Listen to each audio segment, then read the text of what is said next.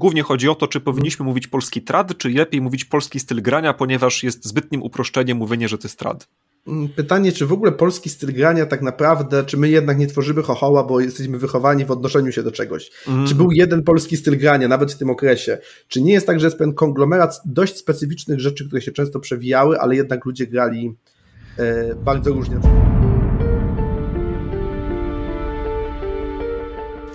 Dobry wieczór.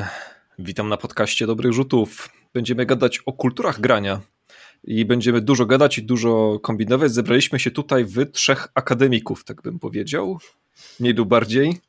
Mm, ja się tak poczuwam do takiego, do, do bycia w tej kategorii, to nazwijmy, jestem Maciej z Dobrych Rzutów, game designer z zawodu. Drugi gospodarz ze mną to Mateusz.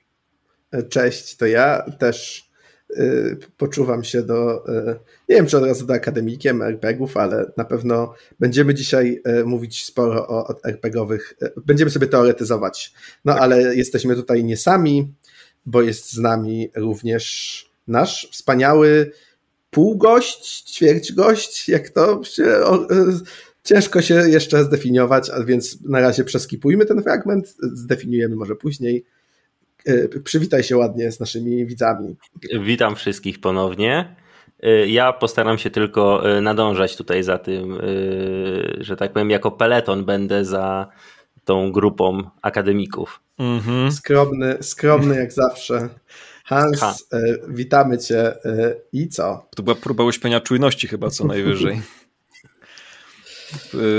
Sześć kultur grania jest to, to jest, jest w ogóle świeża sprawa, to jest strasznie ciekawe, bo my na Discordzie już używamy tych terminów bardzo powszechnie i zaczęliśmy używać ich na potęgę w naszych materiałach, bo w sumie dla nas są już dość oczywiste, a tutaj faktycznie w komentarzach są często pytania, ale czym jest ten trad, o którym mówicie? Czym są te tradycyjne gry? I faktycznie artykuł, który te terminy znaczy wprowadził, pewnie nie wprowadził, ale który je upowszechnił w naszym środowisku, jest z kwietnia 2021 roku, czyli ma jakieś pół roku.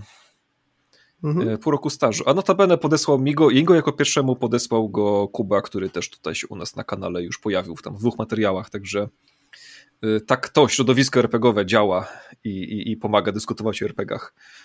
Sześć kultur grania autor zdefiniował na, na swoim blogu The Retired Adventurer w artykule Six Culture of Play zdefiniował sześć szkół grania, klasyczną, ja ją także nazywam old, oldschoolową, to chyba nie jest nadużycie. W każdym razie szkoła klasyczna, szkoła tradycyjna, tak zwane trady, to właśnie to, o czym tak często mówimy. Nordic LARPy, co jest szkołą y, grania RPGowego tutaj, co ciekawe, a nie LARPowego w tym kontekście. Mm, Story Games są czwartą kulturą grania, OSR-y słynne są piątą szkołą grania, czyli to jest Old School Renaissance albo Old School Revival.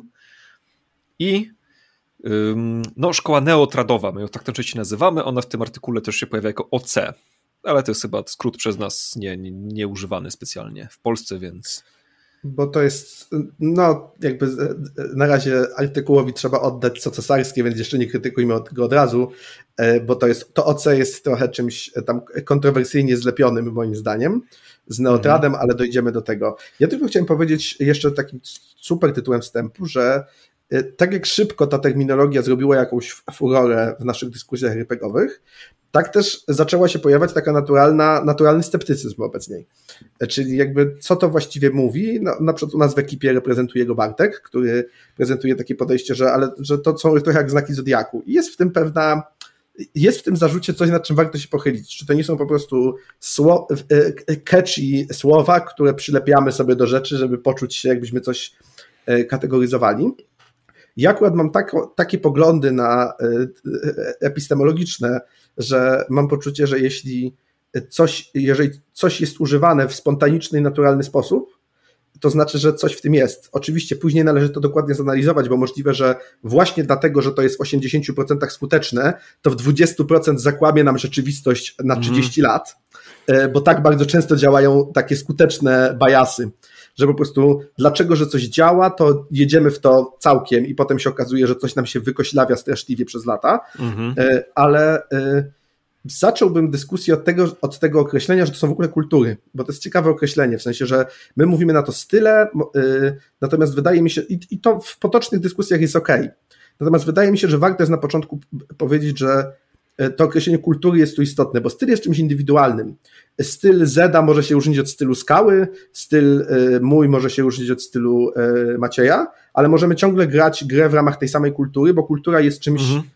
ponad, jest, jest pewnym naturalnym, jakąś taką samoregulującą się formą uprawiania danego typu rozrywki. Można Wydaje mi się, że to jest ważne, żeby. Mhm. Można by chyba powiedzieć, że kultura jest takim zbiorem oczekiwań, bo to sprawia kultura w naszym normalnym życiu, że człowieka, którego jeśli spotykasz Polaka, którego nie znasz go osobiście, nigdy z nim nie gadałeś, to wiedząc, że on jest Polakiem, możesz oczekiwać po nim pewnych zachowań, y, że będzie miał pewne oczekiwania w podobnych kwestiach, że będzie znał pewne mm, terminy podobne i tak dalej. W RPGach chyba jest tak samo. Jeśli no, kiedyś to było bardziej w systemie zawarte chyba, chociaż ciągle trochę jest w każdym razie, no i masz to poczucie, że jak spotykasz RPGowca, siadacie razem do stołu, to nawet nie potrzebujecie żadnej sesji zero, żadnego gadania. Wiecie, jest... wiecie po co tam siedzicie przy stole i co będziecie robić. Znaczy to jest takie zbiorowe, y, autor zbiorowy jest tego i rzeczywiście to jest różnica taka, że jak mówimy o systemach, to mówimy o czymś, co mamy, kto napisał nam ktoś i my tego używamy, ale kiedy my tego używamy, to już tworzymy jakąś kulturę i tak naprawdę y, to to jest tutaj, e, to jest tutaj też dominujące, więc mówimy o czymś, co jest tworzone przez więcej niż jedną osobę i dlatego jest opisywane. Mhm. I chyba to, co powiedział Mateusz, jest tutaj istotne, to znaczy to, że e, z takiej jakby zupy pierwotnej, czy z takiej plazmy wyciągamy te pojęcia i mówimy, o, to wygląda w ten sposób. Sięgamy ręką, wyjmujemy jakąś garść, nie wiem, czegoś, co ma jeden kolor i mówimy, no to jest taka kultura, to jest taka kultura, bo jednak nadal mówimy o hobby, które jest dość młode, które y, dopiero się kształtuje, w którym też powstają pewne takie spięcia dotyczące tego, jak grać, typu, że inaczej grano w latach 70., inaczej w 80., potem powstają inne różne ruchy, które dopiero się wpisują. Mi się wydaje, że jakby atrakcyjność taka psychologiczna tego podziału, ale też y, jego antyatrakcyjność, na którą zwrócił uwagę Mateusz, bierze się z tego, że że on dobrze mapuje takie naturalne zjawiska, a jednocześnie cały czas zostawia taki niedosyt, że gdzieś coś jest ten taki cień czy taki szum, który y, powoduje, że nie możemy nazwać tego takim idealnym akademickim opisem, bo w sumie mm, nie miał tego jeszcze zbadać w tak długim okresie, żebyśmy mogli powiedzieć, y, że, że jest to w jakiś sposób opisane i czymś się konkretnym tutaj charakteryzuje. Mhm. Ja, ja, ja broniąc tej idei y, stosowania niedoskonałych narzędzi językowych, kiedy się pojawiają, E, użyłbym takiego argumentu też dla sceptyków, przynajmniej żeby się chcieli zaangażować w tę dyskusję, nawet jeśli na końcu pozostaną sceptykami, e, że e, no, RPG, tak jak większość mediów, większość jakby humanistyki szeroko rozumianej, pracują przede wszystkim w języku. Oczywiście nie tylko i wyłącznie, bo język to nie jest jakiś artefakt, który jest oderwany od rzeczywistości całkowicie, ale wydaje się, że jakby tworzenie teorii czy mapowanie pewnych rzeczy premiuje aktywizm. To znaczy, lepiej mieć model wadliwy niż nie mieć modelu. Jeżeli zatrzymujemy się na progu ze strachu przed zbudowaniem choćby roboczego modelu, to nie będziemy w stanie kiedyś zbudować lepszego modelu. Czekanie, aż wymyślimy tak dobry model, że dopiero wejdziemy, to jest jak ten człowiek, który uczy się, uczy się pływać stojąc na brzegu i licząc, że jeżeli sobie poobserwuje te ruchy y, na schemacie, to w końcu jak wskoczy do wody, to będzie pływał. No nie, nie uczymy się tak pływać nie uczymy się tak niczego. I badanie jakiejś dziedziny wymaga wejścia w nią, a wejście w dziedzinę językową wymaga natychmiast posługiwania się językiem. I nawet jeśli czasem na oślep językowo wymacujemy sobie pewne kategorie i zaczynamy je zgrzebnie budować, żeby potem je przebudowywać, to musimy mieć co przebudowywać. E, e, teoria e, względności Einsteina, jedna i druga, nie mogłyby powstać bez fizyki newtonowskiej. Einstein nie zniósł Newtona, tylko go przeskoczył ale przeskoczył go, y, y, mając tą teorię, mogąc na niej budować, mogąc zauważać nieścisłości na jej granicach. Nigdy nie dotarłby do tych punktów, w których mógł w ogóle myśleć o tych nieścisłościach, gdyby nie doszedł, jakby gdyby nie miał y, podłogi zbudowanej z tej teorii, która pozwalała mu w ogóle mieć narzędzia myślowe do tego, żeby przedstawiać inną teorię. Więc w tym sensie, moim zdaniem, używanie niedoskonałych modeli, mhm. jeżeli się stosuje taką ostrożność poznawczą i taką chęć niezafiksowania się na nich, czyli jeśli jest się cały czas czujnym, poznawczo, jest jakby moim zdaniem w ogóle jedyną rzeczą, jaką można robić. jeśli chce się rozwijać jakąś wiedzę o jakiejś dziedzinie rzeczywistości. Znaczy mi się wydaje jeszcze, jedna rzecz, która jest istotna, to jest to, że w RPGach bardzo mocno następuje to zetknięcie mm, tej naszej teorii z, no powiedzmy, z tą rzeczywistością. To znaczy, e, ponieważ mamy właśnie e, młode hobby, które jest no, uprawiane przez dużą ilość ludzi, to sądzę, że e, my cały czas tak naprawdę dostajemy ten feedback z rzeczywistości, to znaczy z tego, jak my gramy, jak myślimy o graniu i kiedy na tym się koncentrujemy w jakiś sposób. I tu dochodzi do tej sytuacji, że ponieważ nie mamy tak nabudowanego tej siatki pojęciowej, o której y, wspomniał Mateusz, to y, ona musi nam się wytworzyć w jakiejś formie.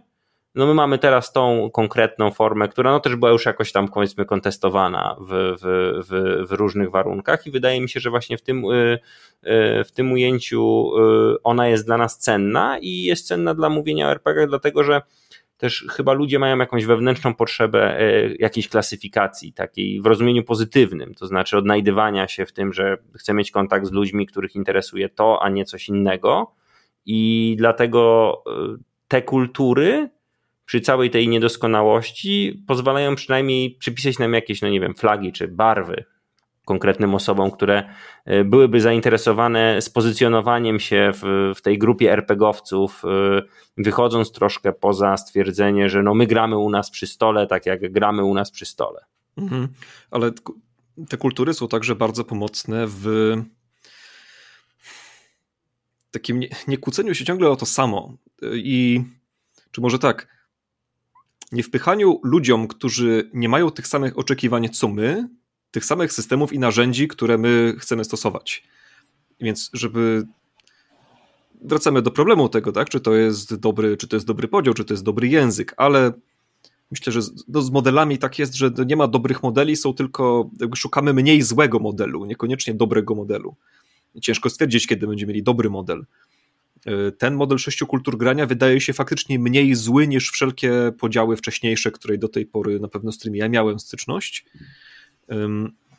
I no właśnie, jest pomocny, jak mówimy o tym słynnym tradzie, no to żeby jednak zrozumieć, jakie obietnice niesie ze sobą trad i co w ogóle próbuje zrobić, no bo nie. Jeśli ominiemy obietnicę zawartą w danej kulturze grania, to na nic się zdadzą wszystkie nasze przekonywania, narzędzia, systemy i nie wiadomo co jeszcze. Ja bym poszedł jeszcze krok dalej za tym, co mówisz. Jest jakiś miernik tego, czy system jest jakby dobry przez małe d, albo dostatecznie dobry albo działający i są to cele praktyczne. W sensie RPG jest hobby praktycznym, gdzie chcemy spotkać się i coś tam wspólnie razem robić i na końcu dobrze się bawimy albo nie. Mhm. E, I przekazywać, i na przykład, czy dobrze prowadzimy dyskusje, w sensie, czy z dyskusji, jakie prowadzimy w internecie, mamy owoce potem w życiu przy stole, w życiu RPGowym. I teraz stosowanie, do, to o czym mówisz, stosowanie dobrego modelu. Model jest dobry, kiedy pomaga nam y, żyć lepiej, tutaj w tym sensie żyć lepiej z RPGami. Jest przydatny, no. natomiast czy jest dobry w takim akademickim sensie, czy jest bliski prawdy? O, to jest... Mhm. Znaczy jest prawdziwy, niech będzie tym słowem, tak? Bo przydatny, a prawdziwy to są trochę osobne rzeczy. Można mieć rzeczy, które są nieprawdziwe, a są przydatne. Bo, jasne, bo, są na tyle prawdziwe, że, że są przydatne tam, gdzie muszą być. Tak, tu, tu po prostu użyłem takiego argumentu, mm. który może przekonać takiego prawdziwego pragmatyka, że trochę nie ma znaczenia, czy w ogóle nie wiadomo, na ile model e, uprawiania hobby może być w ogóle prawdziwy w jakimś takim platońskim sensie, e, ale właśnie chciałbym zostawić, zostawić w ogóle tę dyskusję, bo akurat tak głęboko nie chciałbym dzisiaj wchodzić. Natomiast e, wydaje mi się, że może być użyteczny i teraz zejdę z samej góry na sam dół, czyli do dyskusji na grupach RPGowych. Y, od Platona prosto zeskakuję tam na główkę. Bo, bo problem tych dyskusji, y, na przykład na grupie y, Panie i Panowie, zagrajmy w RPG, jest właśnie taki, że przez brak nomenklatury, a jednocześnie ogromną chęć odpowiadania i pomagania innym, ciągle mieli się na jałowym biegu. Podejrzewam, że inteligentni, sympatyczni ludzie nie, jakby nie zapoznając terminologii albo odrzucając ją w imię takiego, y, moim zdaniem, niemądrego antylitaryzmu, że my gramy tak jak gramy jest fajnie, gdyby, o, gdyby oni tak mówili, po czym poprzestawali na tym i nie wchodzili w dyskusję, to okej. Okay. Jeżeli ktoś chce być antyteoretyczny, ale też nie chce się dzielić wiedzą i nie ma potrzeby przekazywania sobie informacji intersubiektywnych, w porządku. Mhm. Natomiast ten sam człowiek, który to mówi, potem mówi, że mam taki house rule na tradycję, który rozwiąże twój problem. Nie identyfikując w ogóle tego problemu, albo mówiąc, że po prostu na jakiś kogoś konkretne pytanie, poleca system, który akurat on lubi, w jakimś takim e, zupełnie niezwiązanym, odpowiada na problem, którego w ogóle nie rozumie, którego nie umie zidentyfikować i na który nie ma rozwiązania, ale jednocześnie wydaje mu się, że ma, no bo właśnie nie ma żadnej podbudowy, żeby w ogóle ustalić, o czym toczy się rozmowa. I właśnie nie dlatego, że jest po prostu głupi, czy nieinteligentny, czy że jest hamem, bo się często o tych dyskutantach tam tak mówi, tylko wydaje mi się, że tam narasta w tych dyskusjach ogromna frustracja, mhm. którą chociaż odrobina teorii tym ludziom by rozwiązała. W sensie mogliby wyjść dwa szczeble wyżej w tych samych rozmowach i trochę sobie ulżyć, w sensie odpuścić frustrację, przed zrozumieć, aha, oni grają w sandbox i moje porady nie są im potrzebne i nie rozwiążą ich problemu i nie muszę się denerwować, w ogóle nie muszę pisać moich porad. Zabij graczy. Znaczy tak, te TPK do przodu, tak, ale mi się wydaje, mi się wydaje, że tutaj y, istotna różnica, która jest i jakby największa wartość tego artykułu, bo ona nie leży w tym, jak ten autor podzielił te kultury, bo y, moim zdaniem no on podzielił je na swoim rynku, takiego użyjmy określenia na, w świecie powiedzmy anglosaskim czy amerykańskim to jest jego podział, on go stosuje, jego prawo, ale duża wartość tego artykułu leży w takim jakby stopień wcześniej, to znaczy w zmianie pewnego paradygmatu i mi się wydaje, że to w Polsce nadal dość mocno widać, to znaczy jest zasada mój system y, i inne systemy i to co powiedział Mateusz, że jest house rule na trudycji, ktoś od razu powołuje, przecież po co mi y, ostrza w mroku, y, świetnie będę prowadził w jakimś jednym czy drugim mieście w Warhammerze moich łotrzyków na Drudycji, czy na czwartej edycji Warhammera i będzie świetnie. E, po co mi poznawać nowe systemy, kiedy w dedekach mogę sobie wymyśleć klasy, czy znaleźć odpowiednie klasy w internecie i je rozgrywać. Jakby największa wartość e, tego myślenia, czy to będzie 6, 4 czy 8 kultur, polega na pewnym właśnie zmianie paradygmatu myślenia o graniu w RPG. To znaczy, że mhm. tak, gramy w RPG, ale my te RPG możemy dalej dzielić i to nie powoduje, że one przestają być RPGami w którymkolwiek momencie, tylko że określamy się w danych pozycjach i ok, mamy to, co jest dla nas jakby wspólne jako RPGowców, mamy potem to, co jest wspólne dla nas z kultur. I nie wszystko, co jest z kultur może być stosowane w ogólnych RPGach, mhm. E, a nie wszystko, co jest między kulturami może być przenoszone pomiędzy, pomiędzy nimi e, swobodnie. I e, to nie jest tak, że mapka taktyczna jest absolutnym rozwiązaniem każdego problemu walki. I jeżeli ktoś mówi gram w kult czwartą edycję i nie wiem jak rozegrać dobrze walkę. On mówi weź użyj tutaj mi mapki taktycznej i wszystkie problemy znikną jak za dotknięciem czarodziejskiej różdżki i wtedy rzeczywiście ta dyskusja jest właśnie prowadzona na tym jałowym biegu, bo nie można jej dalej popychać bo y, nie ma tych podstawowych y, elementów rozmowy i jeżeli do świadomości przebije się to, że y, możemy grać trochę inaczej i to nadal są RPG, to to będzie największy sukces myślenia o takim podziale, moim zdaniem. Mhm. Po pierwsze, pytanie, czy taki podział w Polsce i tak już nie postępował, a nie tylko w Polsce zresztą, dyskusjami o tym, czy w RPGach chodzi o odgrywanie, czy o rzucanie kostkami. Wspaniałe pytanie, które uwielbiam, w cudzysłowie, nienawidzę go, to jest roleplay czy role play. No ale był to jakiś zarys już do podzielenia RPGów na dwie grupy. Na te z wczuwaniem się i te z mechaniką. Mm, uważam, że ten podział w ogóle jest trochę zasadny, on się nie wziął znikąd. Y, pytanie, czy. No właśnie, czy to. Bo z tego, co powiedziałeś, można by powiedzieć, że dopóki podzielisz na więcej niż jedną kulturę RPGów, czyli zauważysz, że są różne kultury, to już trochę jesteś w domu. No to Chyba, chyba, że podzielić je fatalnie, bo jakby mhm. można chcieć dobrze i zrozumieć, e, że czegoś potrzebujemy, po czym jeszcze pogorszyć swoją sytuację. To jest możliwe. Ja akurat prawdopodobnie ten podział na gry odgrywane i turlane uznałbym za podział, który przebiega w tak dziwnym miejscu, że trochę mhm. nie wiem, czy, nie wiem, czy odpowiada na jakieś realne problemy RPGowe. Znaczy, bo e, może, może jeszcze dodać, że ten podział on nie był stosowany powszechnie, tylko go stosowali ci gracze, co chcieli odgrywać i stosowali go pejoratywnie w, w stosunku do tych, którzy rzucali kostkami. Więc to był tak. trochę, trochę podział na ludzie dzielą się na dwie kategorie. Dobrzy i źli. Tak. Ja jestem Ale pytanie, dobry, ty jesteś zły.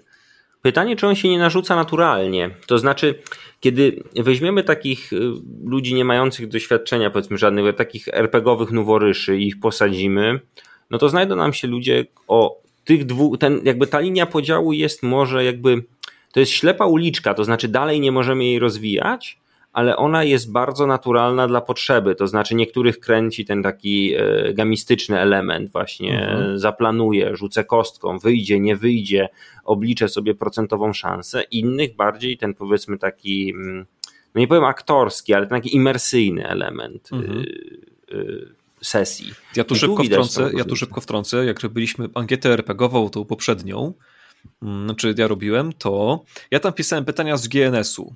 Jakby uznałem, że może GNS jest prawdziwy i zadałem tam chyba 7 pytań e, tak powiązanych z filarami GNS-u, żeby ludzie ocenili od 1 do 5, co lubią w RPGach. No i policzyłem korelację wszystkiego ze wszystkim. I według, moich według mojej tamtej analizy okazało się, że właśnie są dwie grupy się wyłaniają RPGowców. To znaczy, że są dwie grupy wzajemnych korelacji.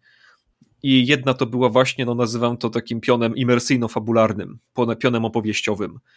Czyli tam była skorelowana z, przeżywanie emocji na sesjach z dobrą fabułą i z imersją. I z tym wczuciem się w klimat, aha, i spójność świata. To wszystko było w jednym pakiecie. I to było trochę, co ciekawe, ujemnie skorelowane. Czyli, że trochę się lubi albo, albo, według tej ankiety, tak? Znaczy trochę, no tam te korelacje były minus 0,1 maksymalnie, więc to jest tak. Są, ale bez przesady z ich wagą. Mm, druga grupa to było osiąganie celu, Y, chyba wygrywanie wyzwań, w ten walk. Nie pamiętam, czy tam były śledztwa. Śledztwa były chyba trochę skorolowane z obiema rzeczami. Y, ale wygrywanie walk, osiąganie celów i co ciekawe, tam było bardziej skorelowane mm, wspólne doświadczenie z grupą znajomych. Ten taki aspekt towarzyski był skorelowany bardziej z tym aspektem gamistyczno mechaniczno-kostkowo-celowym. Ale powiem taką anegdotę w tym miejscu a propos tego spotkania ze znajomymi, mm, tylko dla oddania jakby klimatu, że pamiętam jeszcze 10 lat temu tych, którzy chcieli spotkać się ze znajomymi, y, to w pewnych środowiskach nazywano typem błazna RPGowego. To był człowiek, który nie traktuje sesji poważnie. To był człowiek, który przychodzi, bo to jest dla niego, czy on będzie oglądał mecz, czy będzie grał na konsoli, czy mm -hmm. będzie mhm. grał w planszówkę, więc jest pewien taki element, który tutaj wchodził y, ciekawy w tym podziale. Że tych trzecich, tych, tych, tą trzecią grupę, mm. która nie chce się wpiąć równo, no to trzeba ją gdzieś tam wysunąć na taki margines, powiedzieć tam sobie siedźcie, oczywiście będziecie z nami grać, ale my wiemy, kim wy jesteście. Ale ja to znam z, z nomenklatury amerykańskiej, anglojęzycznej. Ich się nazywał y, casual gamers. Oni funkcjonują czasem w podziałach graczy i, i tam poradniki mówią, to jest ten gracz, który to jest na przykład dziewczyna jednego z graczy, albo jakiś chłopak, albo kolega kogoś, kto przyszedł. On sobie będzie czytał komiksy na sesji, coś tam siedział w rogu. Nie przeszkadzaj mu. Jak go poprosisz, to rzuci kostką, to on się świetnie bawi, nie przeszkadzaj mu. Także... Ale wiecie, kojarzycie to takie spojrzenie było u nas jakby, znaczy ja mam takie wrażenie, y, bo często je odnosiłem gdzieś tam na jakichś forach, jeszcze to było w czasach forów RPGowych, że to było takie spojrzenie na tych ludzi, bo jeszcze jedne z góry, ale też takie, mm, że to jakoś promieniuje na inną rozgrywkę. I mi się wydaje, że to jest wartość w kontekście tych kultur, to znaczy, żebyśmy też zastanowili się, że oczywiście, że te kultury to nie są takie mm, grube kreski, które oddzielają. To znaczy, mhm. jesteś, nie wiem, OSR-owcem, OSR-owcem, OSR-owcem, o, zostałeś tradystą i teraz jesteś w naszej, w naszej partii, a nie w innej. Y, one jednak bardzo mocno się przecinają i to jest bardziej takie mm, y, kontinuum y, różnych kolorów czy barw, które się przecina, niż to, że my mówimy o tym, że tu jesteś w tej granicy i nie ma innej możliwości. Zresztą to nawet pojawia się, nie wiem, odnosząc się do materiałów, na przykład do ostatniego, do materiału dotyczącego Lamentations of the Flame Princess, od razu Maciej powiedział, że to jest system tradowo-eserowy czyli mhm. tak naprawdę te kultury, oczywiście możemy wskazać czystego pewnie OSR-owca, czystego tradystę, y, czystego, nie wiem, story gamera, ale wielu ludzi będzie znajdować się cały czas i wiele stołów i wiele sposobów grania poszczególnych osób będzie gdzieś mhm. się zawieszać pomiędzy To chciałem wtrącić pytanie jeszcze Mateuszu, bo słyszę, że, oczywiście widzę, że już chcesz coś powiedzieć, ale to zadam. Mówimy kultury. Czy nie powinniśmy mówić gatunki? No bo czy tym nie są gatunki filmowe, komedia, horror, akcja i tak dalej. Są kombinacje przecież, prawda? Horror akcji, komedia akcji, komedia horror yy, i tak dalej, i tak dalej. Czy nie mówimy o gatunkach? Jeszcze nie mam tego, to jest na razie gut feeling, ale wydaje mi się, że kategorycznie nie. Dlatego, że kultura jest pewnym schematem yy, regulatywnym. To znaczy, że y, wchodząc do danej kultury, działamy według jakichś jej zasad, ona nas nawiguje jako, jest pewnym trochę swobodnym podręcznikiem też działania, budowania oczekiwań i tak dalej. Mhm. Natomiast gatunek ustawia nas, przez skojarzenie jakie niesie, ustawia nas od razu albo w formie aktywnych twórców, albo w formie odbiorców. I nie o jedno i drugie chodzi, w sensie, okej, okay, w, w, ramach danej kultury możemy chcieć tworzyć bardzo mocno gatunkową rzecz, na przykład w tradowym i neotradowym graniu często o to chodzi, y, mhm. ale y, używając tego samego określenia y, stracimy możliwość wyodrębniania tego jeżeli dany gatunek gier pozwala robić dany gatunek fikcji, a inny gatunek gier nie chce robić konkretnych gatunków fikcji, jesteśmy trochę na polu minowym nieporozumień. Mhm. A właśnie po drugie, wydaje mi się, że kultura jest po prostu dość trafnym określeniem, że tutaj autor e, utrafił trochę w sedno, bo kultura jest na przykład też czymś swobodnym, co ma miękkie granice. I to, o czym przed chwilą mówił Hans, że e, to nie jest, niektórzy temu modelowi zarzucają, że często nie wiadomo. Właśnie moim zdaniem on jest najciekawszy kiedy, mapuj, kiedy można za jego pomocą mapować różne pogranicza, nawet pogranicza własnych preferencji, bo jeżeli wiemy mniej więcej, jakie zachowania, oczekiwania i praktyki składają się na daną kulturę, to możemy te pogranicza ciekawie mapować, możemy się spotykać z innymi ludźmi świadomie. I wtedy jakby świadomość własnych preferencji i tego, w jakiej kulturze jesteśmy ukształtowani, paradoksalnie lub nieparadoksalnie, po raz pierwszy pozwala nam z niej wyjść, albo ją świadomie przekroczyć. Dopiero kiedy przytulimy to, kim jesteśmy, albo co nas ukształtowało na przykład, to możemy to przekroczyć, jeśli chcemy, albo wykorzystywać to świadomie, a nie y, podlegać tym rytmom kultury nieświadomie. Więc taka sublimacja tego, że jesteśmy w stanie nazywać pewne zjawiska, wydaje mi się najcenniejszym aspektem. I właśnie mnie najbardziej ciekawią te zjawiska RPGowe, które y, chyba nieświadomie, no bo tej terminologii nie było, ale podejrzewam, że na pewnym poziomie jednak świadomie y, na przykład zachęcają do grania na przecięciu kultur bardzo aktywnie. Robię taki hint, już zresztą o tym mówiłem na luźnych wrzutach, do tego pewnie cię wrzucę, że ja uważam, że Blades in the Dark są tak napisaną grą, która wszystkich, wszystkich ściąga na, na, y, na pogranicze. Przyciąga ludzi z bardzo różnych kultur grania, bo oferuje im elementy bardzo mocne z tej kultury, po czym mówi, ale teraz y, tu jest mnóstwo elementów z innych kultur. I ci ludzie się spotykają, często widząc się po raz pierwszy, dyskutując o Bladesach. To jest jakby przyszli wędrowcy z różnych krain do jednej gospody, bo wszyscy chcą do niej wejść, bo ona przyciąga z różnych stron różnymi rzeczami i teraz muszą w niej przebywać razem. E, I ciekawie się obserwuje te dyskusje często, jak interpretować mechanikę Blades in the Dark i tak dalej, bo ona jest tak jakby wręcz świadomie na przecięciu. Nawet jeśli Harper nie znał tej terminologii, to mam wrażenie, że świadomie łączył rzeczy z różnych stylów, sposobów, właśnie kultur grania e, i trochę zaprzęga je na zasadzie, no ale właśnie co, daje to tylko jako przykład takiego e, możliwości bardzo ciekawej analizy i jakby spoty spotykania się na serio, czyli nie spotykanie się po to, żeby się tak głupio zetrzeć w dyskusji, że nie zrozumieliśmy się, poleciłeś mi coś niepotrzebnego, a ja się obraziłem i cię okrzyczałem w internecie, tylko że możemy się naprawdę spotkać, w sensie tymi wypustkami, nie zaciskać ich w pięść, tylko się gdzieś zetknąć. I nawet jeśli się potem rozejdziemy, no to wiemy, czemu się rozeszliśmy e, na przykład, mhm. a nie po prostu, nie wiem, zderzyło nam się, jest, on jest głupi, a on też jest głupi e, i tyle. Znaczy, mi się wydaje, że ta kwestia gatunek, a kultura jest jeszcze o tyle ważna, że w pewien sposób gatunek implikuje pewną grupę mm, twórców aktywnych i epigonów. I to jest ten problem. To znaczy, w kulturze wszyscy są y, jakby jej uczestnikami do mniej więcej, może nie egalitarnymi, to złe słowo, ale mhm. zarówno to, co wkładają mniejsi, jak i więksi, ma tą samą, może mieć tą samą wartość kulturotwórczą, a w zakresie gatunku mamy zawsze tych y, wiodących i tych, którzy coś odtwarzają. I w RPGach istotne jest właśnie moim zdaniem to, że e, ponieważ my gramy przy naszym stole, to najważniejsze są nasze wpływy. To znaczy mogą być więksi mistrzowie, lepsi mistrzowie gry, lepsi pisarze scenariuszy, lepsi gracze, ale dominacja naszego stołu powoduje to, że zawsze to, co jest przy naszym stole, jest ważniejsze, nawet jeżeli byśmy wprowadzili jakieś wartościowanie jakościowe, jak, nawet jeżeli jakości okazałyby się to niższej jakości, to będzie miało większe znaczenie dla nas i dlatego ten podział kultura a gatunek jest tutaj kluczowy mhm. bo y, daje nam większą ekspresję nas jako indywidualnych no, uczestników ogólnie tej rozrywki. Mhm. Czyli żeby to adekwatnie porównać na przykład do literatury, to no bo sesja składa się z dwóch części, powiedzmy, uogólniając, czyli z procesu twórczego, który który ma miejsce, czyli tego grania w sesję i ostatecznie z tego transkryptu, z tego produktu, może z opowieści, która powstała w wyniku tego. Obie rzeczy istnieją, nawet jeśli nie nagrywa się sesję na YouTubie, która oczywiście w, najbardziej, no w oczywisty sposób pewny jakby zauważa ten produkt i go uwiecznia, no to ta sesja pozostaje jako to, co, o czym pamiętamy, to, co się wydarzyło, o czym możemy opowiedzieć. Mm, I no, przy, faktycznie przy filmach, książkach raczej ignorujemy proces twórczy. Interesuje nas tylko dzieło, także może być tak, że. Znaczy, bo się zgadzam w ogóle ze wszystkim, co mówicie.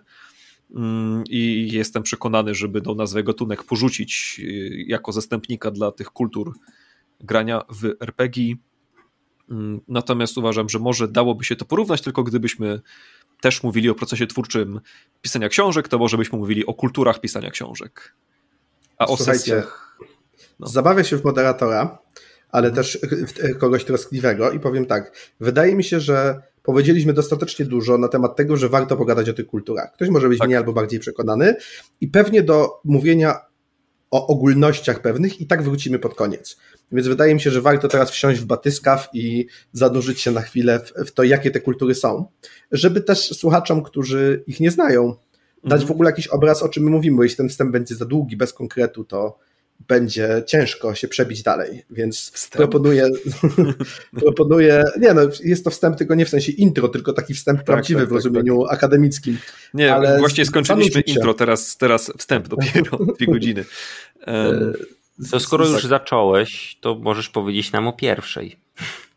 E, pierwszej, e, ja się zastanawiam właściwie, e, jaka jest kolejność tych sześciu kultur według autora i mam wrażenie, że względnie chronologiczna, że on ustawiając je w takiej kolejności chyba starał się oddać kolejność ich powstawania, chociaż on, mm. to oczywiście złożony diagram, a nie prosta liniowa, prosty liniowy schemat, ale chyba to jest klucz.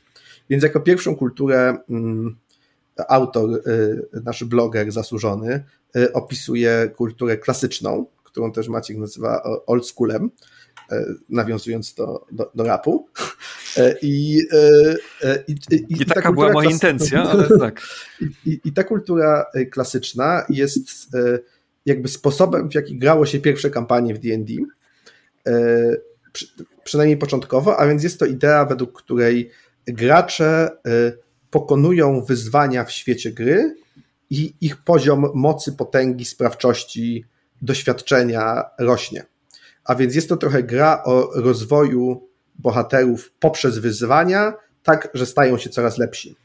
Y, I lepsi w pewnym obiektywnym sensie, y, dlatego że i w świecie ich przyrost jest po prostu. W świecie mierzy to zwykle poziom władzy i możliwości, niekoniecznie władzy rozumianej tak bardzo prosto, ale jako ilość środków działania. Więc jest to i bogactwo, i dostępność do takich sojuszników i tak dalej. Natomiast w mechanice, jakby takim wyrazicielem stylu klasycznego, który jest z nami do dzisiaj, i nie tylko w RPG, są oczywiście levele, poziomy, mhm. które są pewnym miernikiem y, tego, że te postacie nasze przerastają w siłę i mamy tego jakiś wyraz w mechanice gry. I w tym pierwotnym graniu klasycznym E, to były takie bardzo właśnie otwarte kampanie, w których się gracze sobie sami wymyślali wyzwania, e, znaczy wymyślali, nie wymyślali, a odkrywali, szukali sobie wyzwań, e, żeby te postacie swoje rozwijać, stawać się coraz potężniejsi. I te takie słynne cele, które jeszcze długo w latach 80. były gdzieś zakodowane w DNA dedeków, na przykład, że wojownik zbuduje sobie zamek na dziesiątym poziomie i tak dalej, a magowie wymyślają własne zaklęcia i w końcu budują wieżę maga. E, I to były trochę cele gry w D&D na początku, jeśli się czyta te historie o początkach. To było dość oczywiste, że na to nakierowują się e, gracze swoimi bohaterami. Więc trochę nie było problemu, po co gramy, bo trochę było jasne. Gramy po to, żeby nasze postacie były potężne i osiągnęły te takie trochę właśnie kulturowo zdefiniowane cele. Kulturowo już przez tą kulturę grania w D&D, gdzie wiadomo było, do czego zmierza wojownik trochę. Wiadomo było, do czego zmierza mak i tak dalej. E, e, mógł oczywiście trochę, to, to mogło być modyfikowane, ale była pewne, pewien wspólny grunt zrozumienia. E, I też dlatego później, kiedy ta kultura została trochę zapomniana, to tamto granie wydawało się dziwne i nudne. To też jest ciekawe w różnych analizach, że nie rozumiejąc motywacji, na przykład myśląc bardzo tradowo, ludzie, którzy próbowali zrozumieć te początki, mając wszystkie te schematy tradu, byli bardzo zdziwieni tym graniem, ono się wydawało dziwne, po co tak łazicie, zbieracie te monety gdzie tu jest jakby gdzie tu jest jakiś dramat, który się rozgrywa. Nie? W sensie mhm. nie było, nie widząc celu, nie wiadomo, rzeczy tracą sens e, bez tego celu. E, I autor też zauważa, że ta kultura, e, kiedy zaczęła być wypierana przez strat, o którym zaraz powie ktoś inny, to nie zaginęła zupełnie, E, i powróciła we wczesnych latach 2000, kładąc podwaliny trochę po powstaniu OSR-u. Autor twierdzi, że te kultury się momencie rozdzieliły, ale był taki moment, gdzie to było trochę jedno środowisko, czyli gracze, którzy wrócili do klasycznego grania i później z nich wyrodzili się OSR-owcy, ale też wydaje mi się, to jest jakby trochę moja, e, mój dodatek do, do tej kultury, zacznę już lekkie reinterpretacje, ale jeszcze nie polemiki, tylko dodatek. Wydaje mi się, że e, gamistyczne dedeki, szczególnie takie od edycji 3, 3,5 dalej, wzięły tą obietnicę i przeniosły ją do mechaniki. W sensie, że w sensie zmieniły ciężar. Ona zawsze była w mechanice, zawsze były levele, ale przeniosły ciężar z tego przyrostu pozycji w świecie na bardzo czytelny miernik e, przyrostu poziomów i takiej obiektywnie rozumianej potęgi, rozumianej też przez możliwości, różne asety mechaniczne, dostęp do magicznych przedmiotów itd., tak itd., tak czyli zmechanizowały ten proces. Natomiast moim zdaniem fakt, że domyślnym celem nowych D&D jest levelowanie i wbijanie jak największych poziomów. Jest to takie słynne e, RPGowe marzenie wielu dodekowców, zagrać kampanię od pierwszego do 20 poziomu. To -hmm. jest często się o tym mówi. E, to jest echo stylu klasycznego. On się z, moim zdaniem przebudował w, przez to, że przeniósł swój ciężar do mechaniki w tych nowych dedekach, a ludzie, którzy się zbuntowali przeciw temu, a chcieli tak trochę pograć, pewnie spłynęli do ESR-u.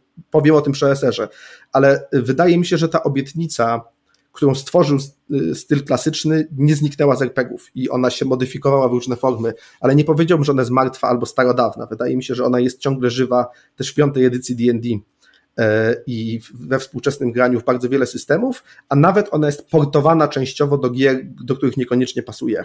Moim zdaniem miłość do pedeków jest mhm. naszym DNA, jest, jest nie, tym fragmentem jest, DNA, który przyszedł ze stylu klasycznego w ogóle. To mam pytanie. I został z nami zawsze. Do ciebie albo do was, bo wy y, obaj, bo teraz mówimy w sumie o dwóch znaczy dobra, mówimy jeszcze o klasycznej, ale czuję, że nie jesteśmy daleko od OSR-u, bo go chyba trzeba omówić tak za jednym zamachem, trzeba będzie do tego przejść.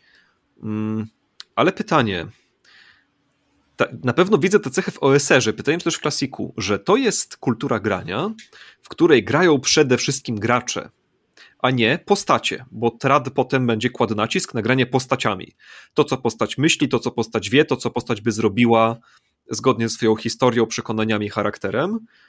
Mm, te gry, o, y, gry oldschoolowe i OSR-owe kojarzą mi się z tym, że grają gracze. Są zagadki dla graczy są walki taktyczne dla graczy. Gracze, gracze, gracze. Postacie to jest awatar do tego, żeby podnosić ciężkie przedmioty i otwierać groźne pułapki, ale mówimy o graczu. Czy to jest cecha old schoolu i old OSR-u, czy to jest taka przypadkowa cecha tego, która się towarzyszy, towarzyszy temu gatunkowi, ale nie jest zdecydowanie z nim związana tak bezpośrednio? Mi się wydaje, że to jest jednak cecha przypadkowa. Znaczy, może nie jest ona przypadkowa w tym rozumieniu, że nikt nie bierze jej nigdy y, pod ocenę, ale chodzi o to, że ona jest jakby mm, pojawia się jako założenie trochę innych, y, trochę innych elementów.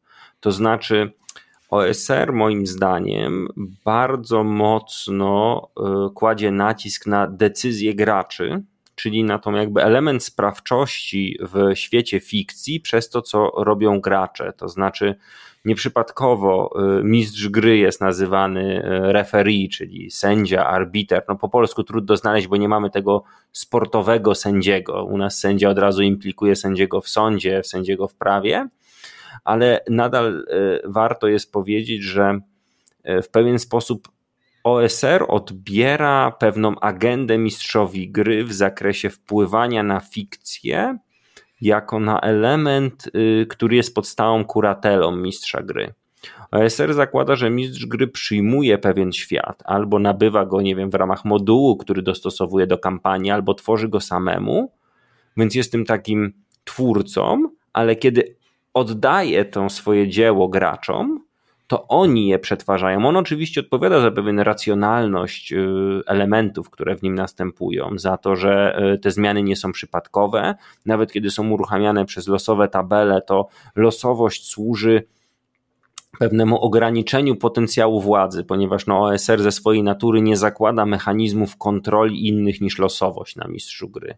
Mistrz gry może zrobić wszystko, jest ograniczony tylko tak naprawdę logiką i tym założeniem, że on już na etapie gry nie wprowadza danych, tylko bardziej je interpretuje, więc te dane może wyciągać z tabeli, które posiada i ten efekt który nakłada bardzo duży ciężar y, tworzenia fikcji na graczy, siłą rzeczy przekłada się na tym, że to zawsze gracze decydują. To znaczy, zawsze decyduje ten człowiek, który jest nawet za tym awatarem ukryty. Więc moim zdaniem, ile, oczywiście można znaleźć graczy OSR-owych, którzy lubią. My lubimy grać lochy, bo to są dla nas zagadki, które chcemy rozstrzygać, i te zagadki rozstrzygamy, i wtedy na pewno tacy ludzie się znajdą, więc ale moim zdaniem przede wszystkim chodzi po prostu o to, że kiedy mówimy o decyzji, to mówimy o decyzji, nie wiem, Marcina czy Kasi, którzy siedzą przy stole, a nie o decyzji, nie wiem, y, Gotreka Krasnoluda, czy jakiejś, y, nie wiem, Evelyn mhm. e, Elfki. Y, te postacie nie mogą podejmować decyzji. Decyzja zawsze będzie leżeć po stronie gracza, więc dlatego grają gracze. E, ponieważ system nie zakłada istnienia jakichkolwiek mechanicznie odbijanych czy nakazywanych w narracji do uwzględniania flag, to mhm. dlatego my rozpoznajemy, rozpoznajemy zawsze tych graczy. Ale moim zdaniem to nie jest założenie gry, tylko jest to pewien efekt innych elementów, które w tym systemie w OSR-ach są istotne. A OSR, moim zdaniem, pod wpływem tradu, cały czas się obracamy wokół pojęcia, którego nie wyjaśniliśmy, e, pod wpływem doświadczeń z tamtego okresu stwierdził, że najważniejsza jest y, właśnie decyzyjność graczy. I źródło tej y, prawdziwej decyzyjności widział w tym opisanym przed Mateusza sposobie grania klasycznym, czyli tego jak grano te kampanie, to znaczy moim zdaniem i chyba trochę to też wybrzmiewa w tym artykule, sprawa wygląda tak, że gracze OSR-owi, bo trzeba pamiętać, że OSR najpierw powstał tak naprawdę przez retroklony D&D, e, gracze OSR-owi spojrzeli na swój sposób grania, w którym w pewien sposób byli mało ograniczeni i na to, co oferują im przede wszystkim oficjalne materiały od różnych twórców i ci twórcy i e, dostrzegli pewną dystynkcję w zakresie tego, co mogą robić. I mi się wydaje, że pierwszym motorem były właśnie te decyzje. I ta sytuacja pociągnęła za sobą te wszystkie inne, że finalnie patrzymy na to, jak gracz może pokonać wyzwanie, mhm. ale tak w istocie my patrzymy na to, jak gracz określa się wobec wyzwania. I mhm. najważniejsze, a tylko on się będzie określał. Postać, bohater gracza nigdy nie może określić się wobec wyzwania, znaczy zawsze określenie się bohatera gracza wobec wyzwania będzie tylko i wyłącznie przełożeniem tego, co zdecydował gracz jako człowiek przy stole. Ale to brzmi, jakbyś jednak ładnie obronił tego poglądu, że no ci przede wszystkim grający gracze są cechą bardzo związaną z oldschoolem i z OSR-em. Ja bym, ja bym e, od innej strony trochę to ugryzł. Jeszcze trawię to, co powiedział Hans. E, myślę, że hmm. jeśli nawet będą jakąś potrzebę polemiki, to, to, to już, to ja nie, to już nie dzisiaj. Ja szybko dorzucę jedną uwagę, którą mam, że bo wydaje mi się, że to wynika z wygrywania, bo czy postać wygrywa? Znaczy trochę tak, ale czuję, że przede wszystkim wygrywa gracz. Postać przy swojej złożoności, którą mogłaby mieć, gdyby w pełni zaistniała, to ciężko zdefiniować, co to znaczy, że postać wygrywa. E, ja jeszcze tylko ja z jedną rzeczą się mhm. tylko szybko wetnę, pozwolę, tak. E, a kto przegrywa w stylu grania play to lose? Bo to jest pytanie. Znaczy, to jest pytanie, w którym jest odpowiedź na to pytanie, które ty zadałeś. Play to lose to wchodzimy trochę w story game, prawda? Znaczy... Troszeczkę tak, więc zostawmy to na story game, ale zapamiętajmy sobie może Dobra. ten wątek. Ja, ja chciałem powiedzieć coś innego, bo moim zdaniem jest pewna e, jest pewna odpowiedź na to zagadnienie, e, jeśli chodzi o styl klasyczny, może nawet bardziej niż o serii, e, chociaż pewnie też. I nazwałbym to awataryzmem roboczo. A więc wydaje mi się, jeśli kojarzycie, jest taki typ kreskówek, gdzie dzieci przenoszą się, zwykle to są dzieci, dzieci przenoszą się do jakiegoś fantastycznego świata i oni tam dostają fa swoje fantastyczne mm. persony, mm. ale to są dalej oni, ale nie do końca. W sensie, oni się wcielają w postacie, bo teraz nie mówię o historii, gdzie są obcy w obcym świecie i nie pasują, bo to jest inny typ historii. Mówię o tym, gdzie budzą się i jeden z nich jest silny chłopiec, jest wojownikiem, albo właśnie dla kontrastu ten słaby jest wojownikiem. Ale on dalej jest sobą, ma nawet swoje rysy twarzy, to jest dość istotne w tej metaforze, którą używam tych bajek jako metafory, mhm. ale, jednak jest, ale jednak ważne jest, że został tym wojownikiem. I w tym sensie, moim zdaniem, postacie w stylu klasycznym y, są y, awatarami dla graczy, są jak machiny do wejścia w inny świat. I, i, i nie jest nie jest nieważne, kim oni, jakie są role postaci w tym świecie, bo to jest pewne spełnienie fantazji, ale jednocześnie to my musimy wejść w te buty. I teraz bardzo ciężko jest rozróżnić, gdzie jest granica między postacią a graczem w tym ujęciu. W sensie, żeby to miało sens, czyli żeby postać była wehikułem do innego świata, to, to, to tam musimy dalej być my w nią włożeni, ale jednak chcemy się zakorzenić w tym świecie i zakorzeniamy się przez pewne funkcje postaci. Może dlatego właśnie klasy tak dobrze wybrzmiewają w tym ujęciu, że są pewną czytelną fantazją, którą można wypełnić sobą, ale jednocześnie jesteśmy już kimś w tym świecie i to ma znaczenie. Plus też wydaje mi się, że takie granie klasyczne, e, e, jeśli z takim graniem otwartym w świecie, ono sprawia, że, obija, że przyrastając w tym świecie, postacie zaczynają mieć swoich wrogów, swoje jakieś miejsca, do których wracają, czyli w sensie gracz poprzez postać jakoś przywiązuje się do świata i zaczyna nabywać wątków, zrastając się z tą postacią w taki właśnie, moim zdaniem, organiczny, specyficzny sposób, że jeśli on w pełni przekroczy, to zabije fantazję, bo, bo on potrzebuje sensownej powłoki do bycia w wymyślonym świecie. Ale jeśli pozwoli tej powłoce się zjeść, no to zostanie aktorem metody Stanisławskiego, a on tego nie chce, bo to on chce przeżywać przygodę. Więc jest to moim zdaniem jakaś dynamiczna całość, której nie umiem jeszcze nazwać, więc ta metafora bajki wydaje mi się dość dobrze łapać, ta fantazja dość dobrze łapie moim zdaniem to, co styl klasyczny i często OSR-y robią na linii y, gracz-postać. Tym razem ja będę trochę moderatorem, bo y, my z Mateuszem jesteśmy blisko tych klimatów klasyczno-eserowych i pewnie moglibyśmy się tutaj przebijać swobodnie nimi dość długo. I chyba będziemy musieli przejść do następnego tak naprawdę mhm. klimatu. Tak. Ja to właśnie mam tak taką myśl, że to, o czym mówisz Mateusz, czy to właśnie to granie brzmi jakby ono zrodziło trada.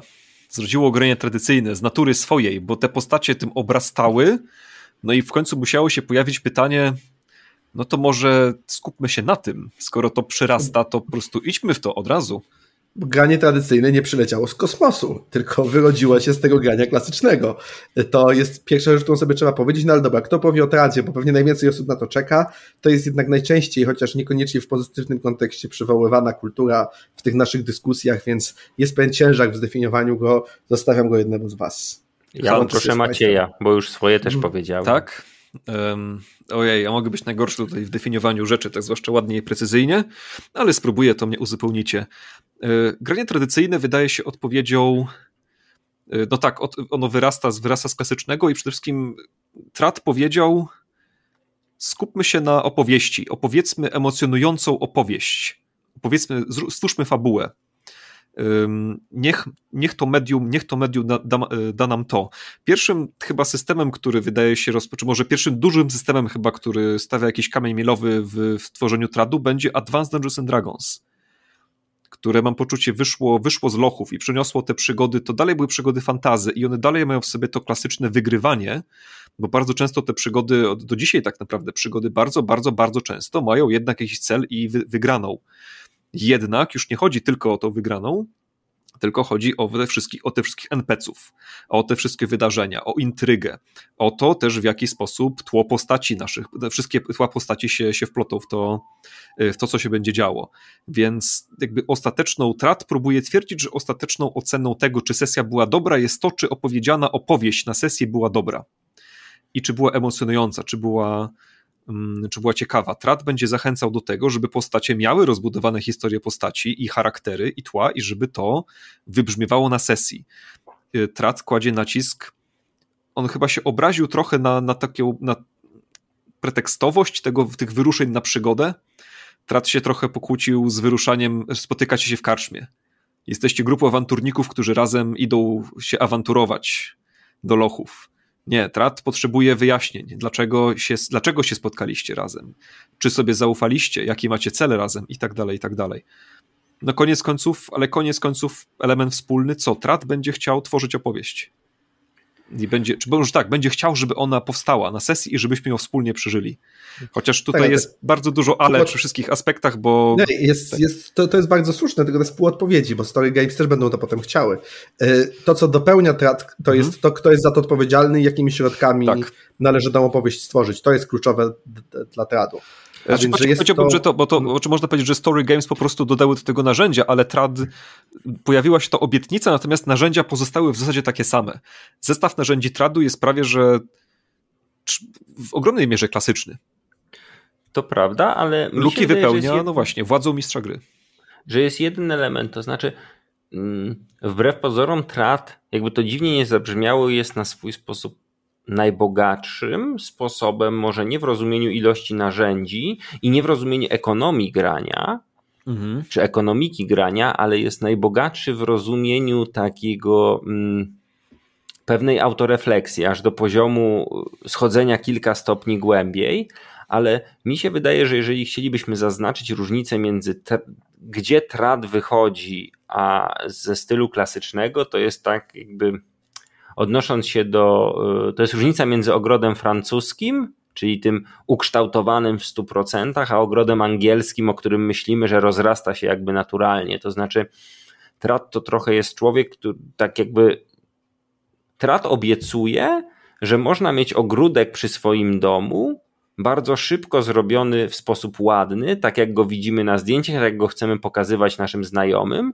W momencie, kiedy styl klasyczny w sposób naturalny mówi, mamy swoje ograniczenia, musimy, musisz poznać kilku BN-ów, musisz zrobić kilka rzeczy, zarobić na szacunek y, w wiosce, w tym samym momencie Trat mówi, to są elementy, które możemy sobie opracować poza grom. Wprowadzić, wejść do gry gdzie mamy już ten świat stworzony. I mi się wydaje, że ten chronologiczny element, który poruszył Mateusz, jest bardzo ważny. To znaczy, w pewnym momencie, kiedy takie systemy jak Warhammer czy DD, może odwrotnie, DD, a potem Warhammer, zaczęły budować dużą ilość y, kontentu, to znaczy powstawały kolejne książki, kiedy napisano Smoczą Lansę, kiedy y, powstały, zaczęły powstawać wszystkie książki dotyczące świata Warhammera, y, o Gotrieku i Felixie. Ilość tego wiedzy o tym świecie stała się tak duża, że tego świata nie trzeba było budować w naszych małych grach, takich tradycyjnych, które kiedy Gary Gygax siadał sobie z kolegami i rzucał kostkami, no to trzeba było wymyśleć, tu jest to, tu jest tamto, tu jest kowal, z nim mamy relacje i tak dalej. Ilość tej wiedzy stała się tak bogata, że powstała taka pewna, no może pokusa to złe słowo, ale e, powstało takie przekonanie, że mogę wprowadzić postać w gotowy świat, więc skoro mogę ją wprowadzić, to ona może już być w tym gotowym świecie. I mhm. trad bardzo mocno bazuje na tym y, właśnie potędze loru swoich systemów, y, co trochę paradoksalnie moim zdaniem zaczął ze Cthulhu. To znaczy ze Cthulhu wyjął lore z, innego, z innej rzeczywistości, z rzeczywistości literackiej, wziął go od Lovecrafta i jego następców i powiedział: Teraz będziecie grać w tym RPG. I tak naprawdę nie musicie wymyślać, nie musicie tworzyć relacji, bo my już te relacje mamy. One są wpisane w opowiadaniach y, autorów. Mhm. Wiemy, że są przedwieczni, wiemy, że trzeba ich zbadać, wiemy, że mogą doprowadzić do szaleństwa. Jakby postawiono takie kamienie milowe gry, inne niż te, które wskazał Mateusz w stylu klasycznym, czyli to, że postać rośnie w świecie, tak jak my myślimy, bo styl klasyczny najbardziej moim zdaniem mapuje zwykłe życie. To znaczy, zaczynamy sobie w szkole, uczymy się, idziemy, nie wiem, na studia, czy wybieramy inny kierunek kariery, powoli wzrastamy w naszej rzeczywistości. Robimy to, co lubimy, zakładamy tak jakby optymistyczny scenariusz, rozwijamy się, mówiąc najoględniej a styl y, Atrat, chcąc opowiedzieć tą historię, która tutaj była wskazana, mówi: Z literatury bierzemy dramatyzm, z literatury bierzemy świat i wprowadzamy w niego postacie. Możemy teraz odegrać książkę, którą wcześniej czytaliśmy. I to moim zdaniem jest taki sposób myślenia, który zakotwicza wszystkie inne działania w tradzie. Mhm. Rodzi mi się pytanie w głowie. Czym jest tak naprawdę trad? tu jest pokrewne pytanie, czym jest polski trad i czy to jest to samo co trad global, ten anglosaski. Mm, no co, dobra, problem tradu w tradzie jest klasyczna obietnica, to o czym Mateuszu mówiłeś, są levele.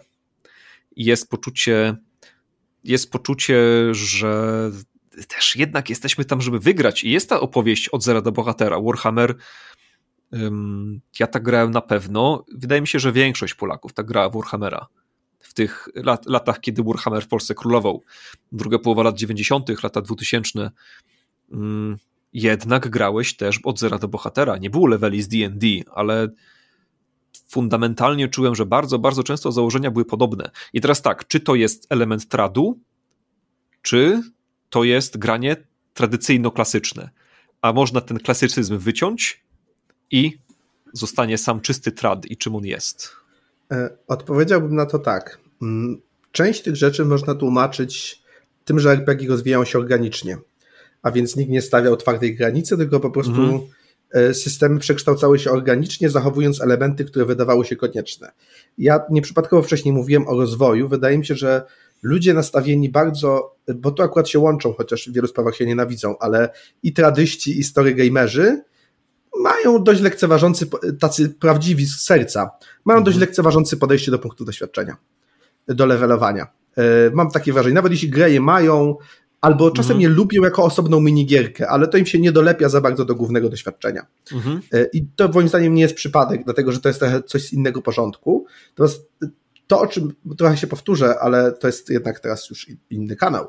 E, na ostatnich luźnych wrzutach mówiłem a propos Warhammera właśnie i stylu klasycznego, że e, moim zdaniem Warhammer w ogóle daje kompletnie klasyczną obietnicę i tutaj e, w jakiejś takiej lekkiej, skośnej polemice z Hansem powiedziałbym tak, że nawet w bardzo dobrze opisanym świecie można grać w stylu bardzo klasycznym, ba, to może nawet potencjalnie pomagać, bo wspólnie szukamy potęgi w dobrze opisanym świecie, który rozumiemy wszyscy i używamy tych skojarzeń, ale gra jest dalej grą o tym. I Warhammer, jak żadna inna gra, moim zdaniem mocniej niż D&D, swoim podręcznikiem, konstrukcją profesji, tym, że profesje idą w górę na co obiecuje to jak żadna inna gra. W sensie Warhammer kipi tą obietnicą, że będziecie wzrastać w pewnym świecie, który jest charakterystyczny, dobrze opisany, po czym bo to był dokładnie ten moment przejścia na teatr i teraz żaden Ignacy Trzewiczek, żadna Gawenda, nie, Warhammer zrobił to sobie sam przygodami, które wychodziły już wtedy, powiedział tak, ale będziecie spełniać tę obietnicę robiąc tradowe scenariusze z fabułą, które przygotuje mistrz gry. Czyli jednym słowem, klasyczna obietnica została połączona z tradem w ten sposób, że jedynym wehikułem do tego jest y, odgrywanie kolejnych przygotowanych scenariuszy typowo tradowych i levelowanie po nich. Tak na przykład też prowadzi Baniak. E, I tak prowadzi bardzo wielu mistrzów gry, którzy zachowują tą obietnicę, mówiąc, jak przejdziecie moją kolejną przygodę, to dostaniecie pedeki, awansujecie, będziecie trochę potężniejsi. Ja opowiem w międzyczasie jako cutscenkę wszystko to, co było sednem e, grania klasycznego, czyli, że pojechaliście do miasta, wydaliście pieniądze, staliście się mistrzem zamiast czeladnikiem i tak dalej, i tak dalej. Zrobimy z tego cutscenkę, a oto zahaczka do kolejnej przygotowanej przez mistrza gry przygody. I pewnie Dragonlance zrobiło to wcześniej z zadekami, po prostu Warhammera znam lepiej, więc e, taką opowieść o Dragonlance się zwykle mówi, że tam też się narodził trad, e, a już nie muszę dodawać, bo powiedział to Hans, że jeśli miałbym wskazać jeden system osobny, który jest symbolem tradu, to jest to ze królu. Z bardzo różnych powodów, ale to był system, który przyniósł tą obietnicę już mm -hmm. chyba mhm. trochę gotową i nadal mając dużo genetycznych elementów stylu klasycznego, bo znów te gry nie powstawały w próżni, mechaniki nie powstały w próżni.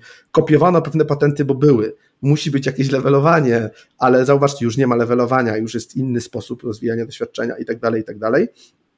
E, natomiast dla mnie tym wyróżnikiem tradu przede wszystkim jest to, że połączenie tej obietnicy, czyli opowiemy historię, z tym, że e, to mistrz gry dostaje jeszcze więcej narzędzi poza tymi klasycznymi, jako jedyna osoba, która może tą spójną historię de facto y, y, opowiedzieć z pewnym interaktywnym y, udziałem graczy.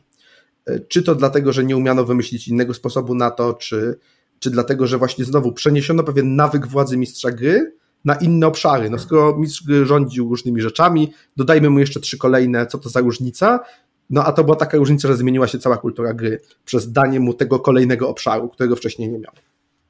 Czy ja powiem tylko tyle, choć to jest jakby z zupełnie innej dziedziny myślenie, ale e, w nauce o ustrojach istnieje takie przekonanie, że każdy podmiot, który ma jakąś władzę, chce ściągać ją do siebie. I ja mam takie nieodparte przekonanie w przypadku tradu, że jest to taka synergia, to znaczy autorom systemów jest łatwiej przyjąć, że lepiej jest wrzucać mistrzowi gry konkretne e, przywileje czy polecenia dotyczące grania, względem tego, że nie można, że graczom się je ogranicza.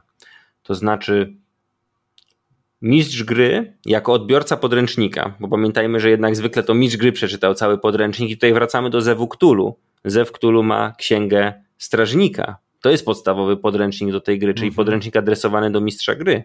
To mistrz gry ma to przeczytać, on ma przyjąć na siebie te obowiązki i powoli staje się takim monarchą absolutnym nad tą grą, który ma zarządzać ilomaś innymi procesami, które na przykład wcześniej były albo e, w jakiś sposób regulowane naturalnie, bo ja jednak Garego Gygaxa bym brał jako takiego yy, twórcę stylu klasycznego i wiecznie myślącego o stylu klasycznym, to znaczy to, kiedy Gary Gygax myślał o tym, żeby w swoich przygodach umieszczać ile sztuk złota ma każdy BN, to nie myślał o tym jak na jakąś kontrolą nad światem, tylko nad tym, żeby dać potencjalnemu mistrzowi gry wiedzę na temat świata, żeby on mógł ją wykorzystać w sposób naturalny. To znaczy, żeby on emulował zdrowym rozsądkiem to wszystko, co my znamy ze świata.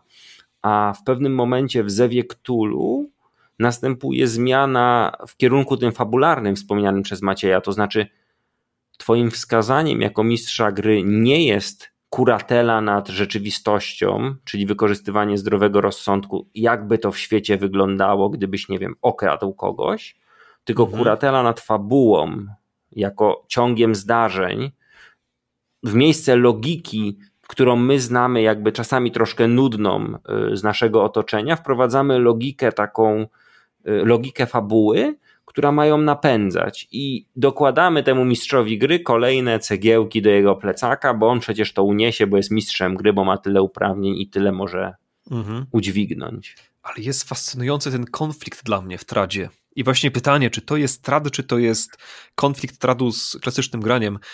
Y, czułem, że w, polskim, w polskiej szkole prowadzenia Warhammera przewijała się bardzo często taka myśl ambitnego mistrza gry, który prowadzi tę fabułę, tak jak mówisz, tego mistrza gry, który te wszystkie obowiązki dostał.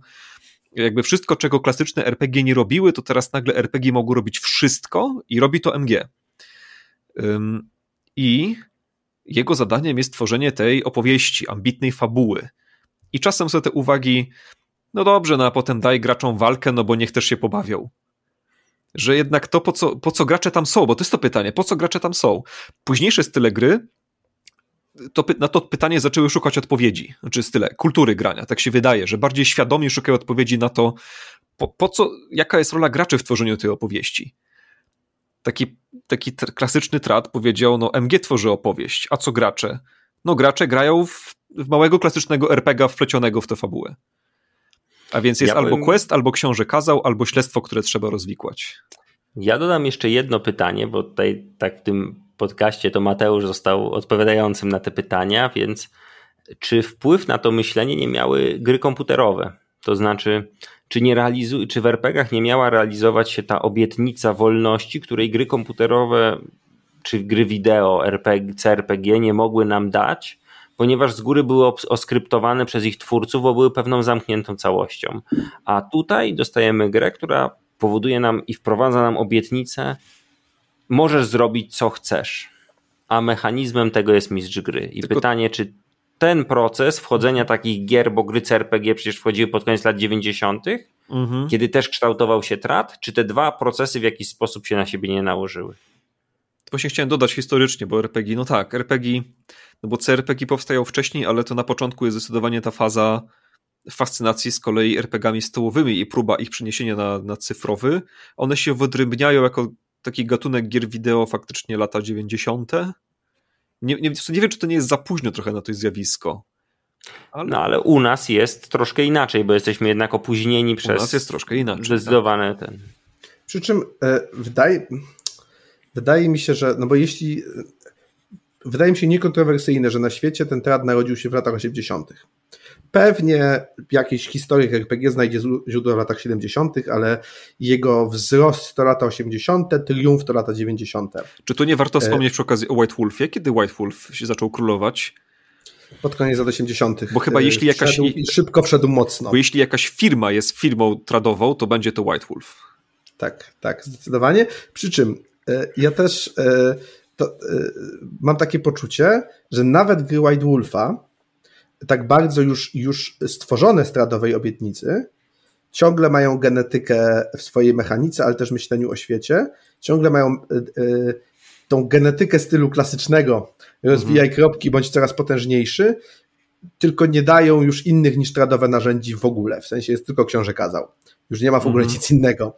E, więc, A więc jedyny sposób się to... pięcia się w hierarchii, e, jedyny sposób pięcia się w górę w hierarchii wampirów jako takich jest diabolizm, który fabularnie jest z kolei w ogóle w zasadzie zakazany. A czy tak. to nie jest kwestia game w RPG? To znaczy, bo gramy, więc oczekujemy wyniku po prostu, więc jest to tak jakby ciężar, który musimy za sobą dźwigać w tej całej sytuacji po prostu mi się wydaje. Dlatego musimy go nieść, dlatego on musi się pojawiać, dlatego musimy mieć poziomy krwi, chociaż one są po prostu nieosiągalne, to znaczy yy, na pewno liczymy na to, że w komentarzach odezwą się jacyś starzy wodziarze, którzy rozwijali swoje wampiry, ja nie mam dużego doświadczenia z tym systemem, głównie bardziej nowoczesne i powiem, że wyżej poziomu krwi 3 nie udało się jeszcze nigdy wyjść drużynie startującej od jednego poziomu, według to mojego skromnego. Aha, czekaj, tylko jak liczysz? Liczysz w górę czy w dół? Pokolenie? Bo znaczy nie, pokolenia liczymy w dół, a poziomy krwi liczymy w górę, żeby nie było za prosto, bo odmienne okay. systematyki upraszczają wszystko. A, dobra, tak, tak, tak. Bo pamiętam, że tam były pokolenia, zaczynało się na 13 chyba? Albo 14 Albo to jest 14. tak, to są... I piło Czy jesteś leszczem i będziesz leszczem do śmierci. Podręcznik tak chyba mówił, że 6 jest maksymalnie, bo powyżej to już były historyczne wampiry w zasadzie. Ale odpowiadając, tak. odpowiadając na to, o co zapytał Hans, wpływ gier komputerowych. Na, na powstanie tradu wydaje mi się, że nie, z powodów historycznych, nawet w Polsce, ale na pewno na jego ugruntowanie w dużej mierze tak. Dlaczego? Wydaje mi się, że gry komputerowe nauczyły bardzo wielu graczy, przekonały ich, nie nauczyły, że chcą dobrej, ekscytującej fabuły, a ta obietnica możesz robić co chcesz, to nie jest taka ważna. Po prostu yy, część ludzi po fajnym doświadczeniu, jakim było przejście Baldur's Gate'a, jakichś tam trochę iluzorycznych, iluzorycznym poczuciu wyborów, uznała, że chcą tego samego doświadczenia na sesji i wystarczy im fajna fabuła i iluzoryczne poczucie wyboru, ewentualnie wyżycie się w takiej warstwie pobocznej, czyli właśnie długie rozmowy w karczmie poza fabułą, trochę walki, gdzie mamy pewne decyzje, czyli jakby bardzo starannie i punktowo zaportowany element gry, to o czym też mówiłeś, w pewnych punktach, który tam się odpala, kiedy ma się odpalić, a poza tym, trochę jak też jak w JRPG-ach, nie? że -hmm. mamy nagle przejście do trybu, teraz jest tryb walki, y, wszystko jest na innej mapce i on jest zupełnie oderwany od fabuły, ale potem wracamy do opowiadania superliniowej fabuły JR to jest ok. JRPG, co zabawne, są chyba lepszym modelem tego, jak działa typowa tradowa sesja yy, grana w Polsce w latach 90., bo to w zasadzie ci bandyci na szlaku to jest trochę to.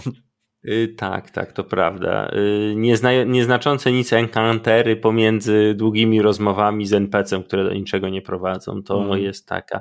Ale mi się wydaje, że Trat będzie pewnie zasługiwał na swoje omówienie. Znowu wejdę w rolę moderatora, mm. będąc na roli gościa, ale skoro mówimy o fabule, to yy, mamy, ona dzieli nam się na dwa elementy, to znaczy to jak oddziałuje, jakby, jakby jest jako opowieść i jak oddziałuje na graczy. I chyba tutaj nam się pojawia ten podział, który nam sygnalizuje autor na tak zwanego Nordic LARPa i Story mhm. Gamesy. I teraz jest pytanie do Was, który, którą z tych ścieżek, bo dostaliśmy wybór, niby wyszliśmy od tradu, a mamy tutaj jakikolwiek wybór, yy, którą z tych ścieżek teraz pójdziemy? Czy mówimy o fabule jako tym, co tworzymy, czy o fabule jako tym, co gra w środku nas? Ja bym poszedł w Nordic LARPy. Dlaczego? Wydaje mi się, że jest znacząca granica pomiędzy trójką a czwórką. To jest mniej więcej rok 2000 i no ja patrzę na te lata jako na powstanie powstanie świadomego designu. Jakąś nową erę świadomego designu, designu RPGów, który wtedy się zaczął i rozkręcił, wspomagany w dużej mierze internetem i tym, że różne osoby zaczęły się zbierać i gadać. Nie chcę przecenić roli The Forge, tego for, for, forum The Forge, y, ale nie chcę też go nie docenić. I, I, jestem skłonny uwierzyć, że on pchnął do przodu dyskurs RPGowy i RPG. I uważam, że, od, że Story Gamesy to już są, to już jest nowe pokolenie. Y, bo trochę te cztery, te pozostałe trzy kultury grania, to znaczy pozostałe, ostatnie trzy, Story Games, OSR i Neotrad, to są trochę stare obietnice z nowymi narzędziami. Dlatego Nordic LARPy uważam jednak za, za to poprzednią epokę i dlatego bym się skupił na nim. To, to ja się wcielę w rolę, w rolę widza i zapytam, czym jest Nordic LARP w takim razie. Bo to już brzmi egzotycznie. Tak, to trzech, będzie... trzech ekspertów zamilkło, bo nie jest to konik żadnego z nich. To może ja powiem pierwsze słowo. E, ale musicie mnie wesprzeć, bo nie czuję się mhm. tak silny. E, zresztą jesteście e, z Krakowa albo okolic, więc pewien element na naszym rynku Nordic Larpowania, czyli krakowska szkoła legendy pięciu kręgów się tutaj nam obudzi. Mhm. Teoretycznie w Nordic Larpie chodzi o imersję, o zaangażowanie emocjonalne w grę. Pytanie, czy mistrza gry, czy wszystkich grających, ale to chyba zostawimy w zawieszeniu, ale na pewno tego, że mhm. priorytetem jest y, to, co autor tego artykułu nazwał, y, on to określił mianem bleed, czyli krwawienia, czyli pewnego y, napięcia pomiędzy postaciami, czy napięcia relacji na pewno, która między nimi istnieje, która musi w jakiś sposób wybrzmieć Y, nie chyba, Blit chyba tego, Blit to jest bardziej takie przenikanie będzie na polski. Z, Blit jest zjawiskiem i tutaj chyba właśnie, bo nie ma z nami, no Bartek i Gosia grają w larpy, więc tutaj nie, w tym sensie nie ma z nami ekspertów od larpów, natomiast Nordic LARP to jest zabawne, bo to jest jak święte cesarstwo rzymskie, które nie jest ani święte, ani cesarstwo, ani, ani rzymskie, mm, to Nordic LARP w kontekście RPGów nie ma znaczenia, że jest nordycki i nie, do, nie chodzi o LARP. To na pewno, to tak. tak, natomiast Bleed, o co chodzi? Jeśli grasz LARPa przez, przez weekend, i jesteś w postaci, i jest to załóżmy, że to jest jeszcze LARP 24 na 7, czyli w ogóle śpisz jako postać też i budzisz się jako postać w obozie wojskowym, odgrywasz, jesteś w Warhammerze. LARP się kończy, wszyscy wychodzą z ról, a ty jeszcze myślisz swoją postacią, a ty jeszcze przeżywasz emocje trochę inaczej, trochę na sposób swojej postaci. Wchodzisz, jesteś cały czas w postaci, ona, masz bleed.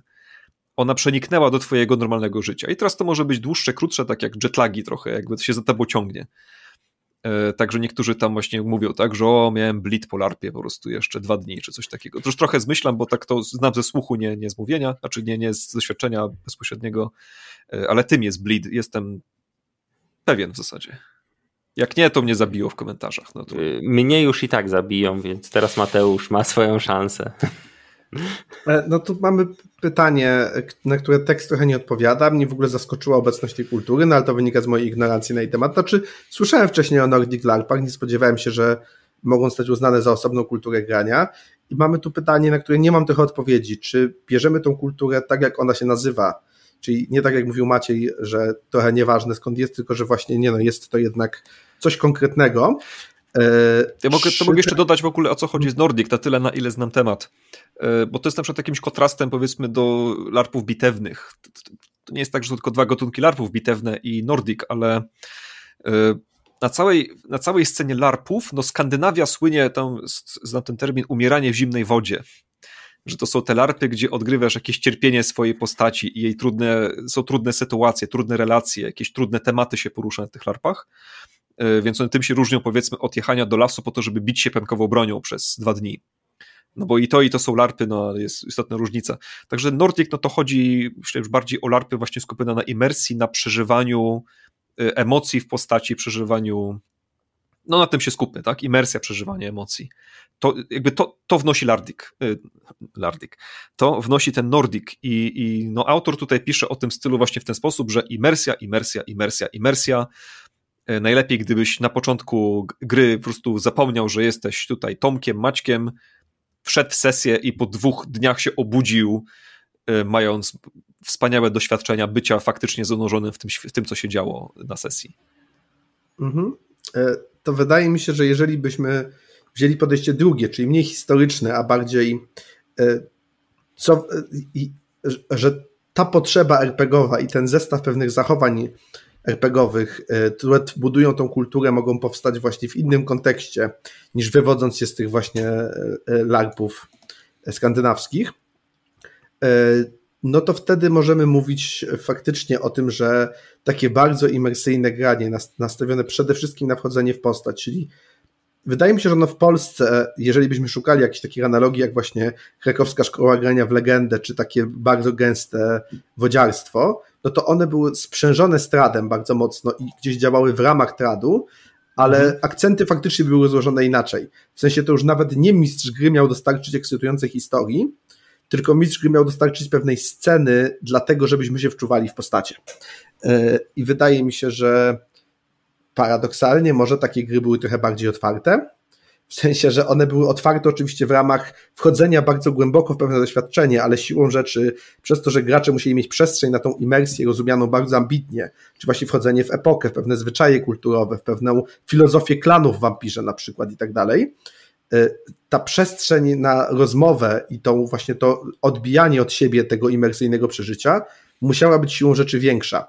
Więc ten podejrzewam, że mistrz gry, pomimo że dalej miał tą, tą samą tradową funkcję i dalej pewnie ustawiał warunki początkowe, mówiąc na przykład to będzie przygoda o tym, gdzie będziecie się wcielać w ambasadorów różnych y, klanów, którzy się spotykają w jakimś tam zamku, jakiegoś, do, y, jakiegoś tam dajmio gdzieś tam o czymś rozmawiać, no to później już zostawiał im wolną rękę, kto chce być emisariuszem czego i oni się na maksa w to wczuwali, robiąc taką półlarpową faktycznie sesję, więc istotnie nie wiem, czy, nie wiem, czy w Polsce tą poza samymi larpami jako takimi, wtedy jesteśmy poza RPGami, ale jeżeli chcemy znaleźć odpowiednik tej kultury w Polsce, to będzie dyskusyjnym, czy ona była częścią tradu, czy nie. I ja się nie czuję e, gotowy tego rozstrzygnąć, ale na pewno wydaje mi się to dość faktycznie dobry trop, to co mówił Hans, że jeśli byśmy szukali spełnienia tej potrzeby, którą spełniały, dla, dla której spełnienia powstały te no, Nordic LARPy, to mhm. w Polsce byłoby to, to właśnie super imersyjne granie,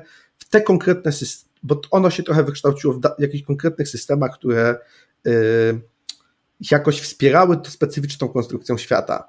Y, nie, w, Polsce, no w Polsce była to legenda i był to świat mroku. Nie wiem, czy cokolwiek innego wywoływało tego rodzaju emocje i tworzyło fanbase zorientowany tak mocno wokół takiej bardzo głębokiej imersyjności. Generalnie gra po prostu gra musi mieć klany żeby była grą, no która, tak, która się w ten sposób. Ja, jak o tym mówiłeś, to myślałem, czy nie jest w Polsce tak, czy nie było trochę tak, że trad jest naszym polem bitwy, na, polem bitwy, na którym się zderza ten imersyjny styl grania Nordic LARPowy z graniem klasycznym. To będzie nasza dyskusja trochę, czy odgrywamy, czy rzucamy kostkami. A ten a trad jest tak oczywistym podejściem do grania, że trochę się o niej nie mówi, bo jest, jest jak powietrze, które nas otacza. Czy pytanie, czy kiedy la, tak trochę łapiąc ten wątek, pytanie, czy kiedy wchodzi w Polsce, kiedy w Polsce wchodzą RPG, to one wchodzą jako tradowe. Tak. Bo trad zaczyna się w latach 80. Podręczniki, które są importowane do kraju, które są tłumaczone, tutaj tak naprawdę chyba można odezwać, odesłać do y, tego podcastu, który już był a propos początków historii y, RPG hmm. i RPGów w Polsce. My w kraju dostajemy RPG tradowe style, które są w kierunku, ciążą w kierunku tradu. I rzeczywiście dlatego ten trad jest tym punktem wyjścia, gdzie dalej można się rozbijać. Y, ale mi się wydaje jeszcze w kontekście y, i legendy, i tej imersyjności, że i jednocześnie tradu jest to, że jednak w Polsce funkcjonowała pewna popularność takich rozgrywek mm, typu personal drama, dramatów osobistych. I właśnie to, co zaznaczył tutaj Mateusz, czy to nie jest zaczątek tego, że ponieważ mistrz gry miał dużo tych cegiełek w plecaku i musiał je dźwigać w zakresie fabuły, BN-ów, zdarzeń, gracze realizowali się wewnętrznie. I te systemy, które wkładły nacisk na ten wewnętrzne, wewnętrzne przeżywanie postaci i relacje między postaciami, które są tak naprawdę wynikiem pewnych tarć wewnętrznych, ich wewnętrznego psyche, czy one z tego nie zdobywały popularności, bo jakby to wnętrze było nietknięte przez te e, nakazy tradowe wobec mistrza gry, które były wyznaczane. I mhm. te systemy, które przynajmniej na poziomie loru czy na poziomie swojej konstrukcji wspierały ten ciężar wewnętrzny, mogły spełniać tą obietnicę mm, dotyczącą imersji w tym zakresie, tak naprawdę. Mhm. Czyli w jakiś sposób odpowiadamy na braki tradu, który nie, nie, nie spełniał obietnic, które stawiał. Mhm. Czy pytanie, czy obietnic nie spełniał? Mi się wydaje, że to pojawia się coś takiego, że może to będzie takie uderzenie w taką y, patriotyczną nutę, ale y, zaryzykowałbym takie stwierdzenie, że dla naszej kultury, w sensie no, kultury polskiej, no, osoby wychowane na wierszach romantycznych od podstawówki y, mają mhm. pewne kierunki myślenia. I wbrew pozorom ten styl grania troszkę skorespondował z nimi. To znaczy, ucząc się, nie wiem, yy, wielkiej yy, jakby yy, improwizacji Konrada, czy innych jakby dzieł tego typu, w pewien sposób rodzi się potrzeba ich oddania w swoim życiu. I o ile grając z wojownikiem w sesji w stylu DD nie znajdziemy głębi tych doznań, których w jakiś sposób uczymy się poszukiwać, to tutaj ich znajdujemy je. Znajdujemy te wielkie napięcia, bo jednak elementem styl klasyczny musiał zbudować wielkie napięcie. Trat musiał to napięcie jakby powiedzieć, że ono jest, ale ono było troszkę zewnętrzne. To znaczy stawiał wielką stawkę, głównie narracyjnie, to znaczy, żeby były wielkie stawki, muszą się dziać wielkie rzeczy, musimy ratować świat, musimy ratować coś ważnego, a ten element Nordic Larpowy mówił, wielka stawka jest w tobie.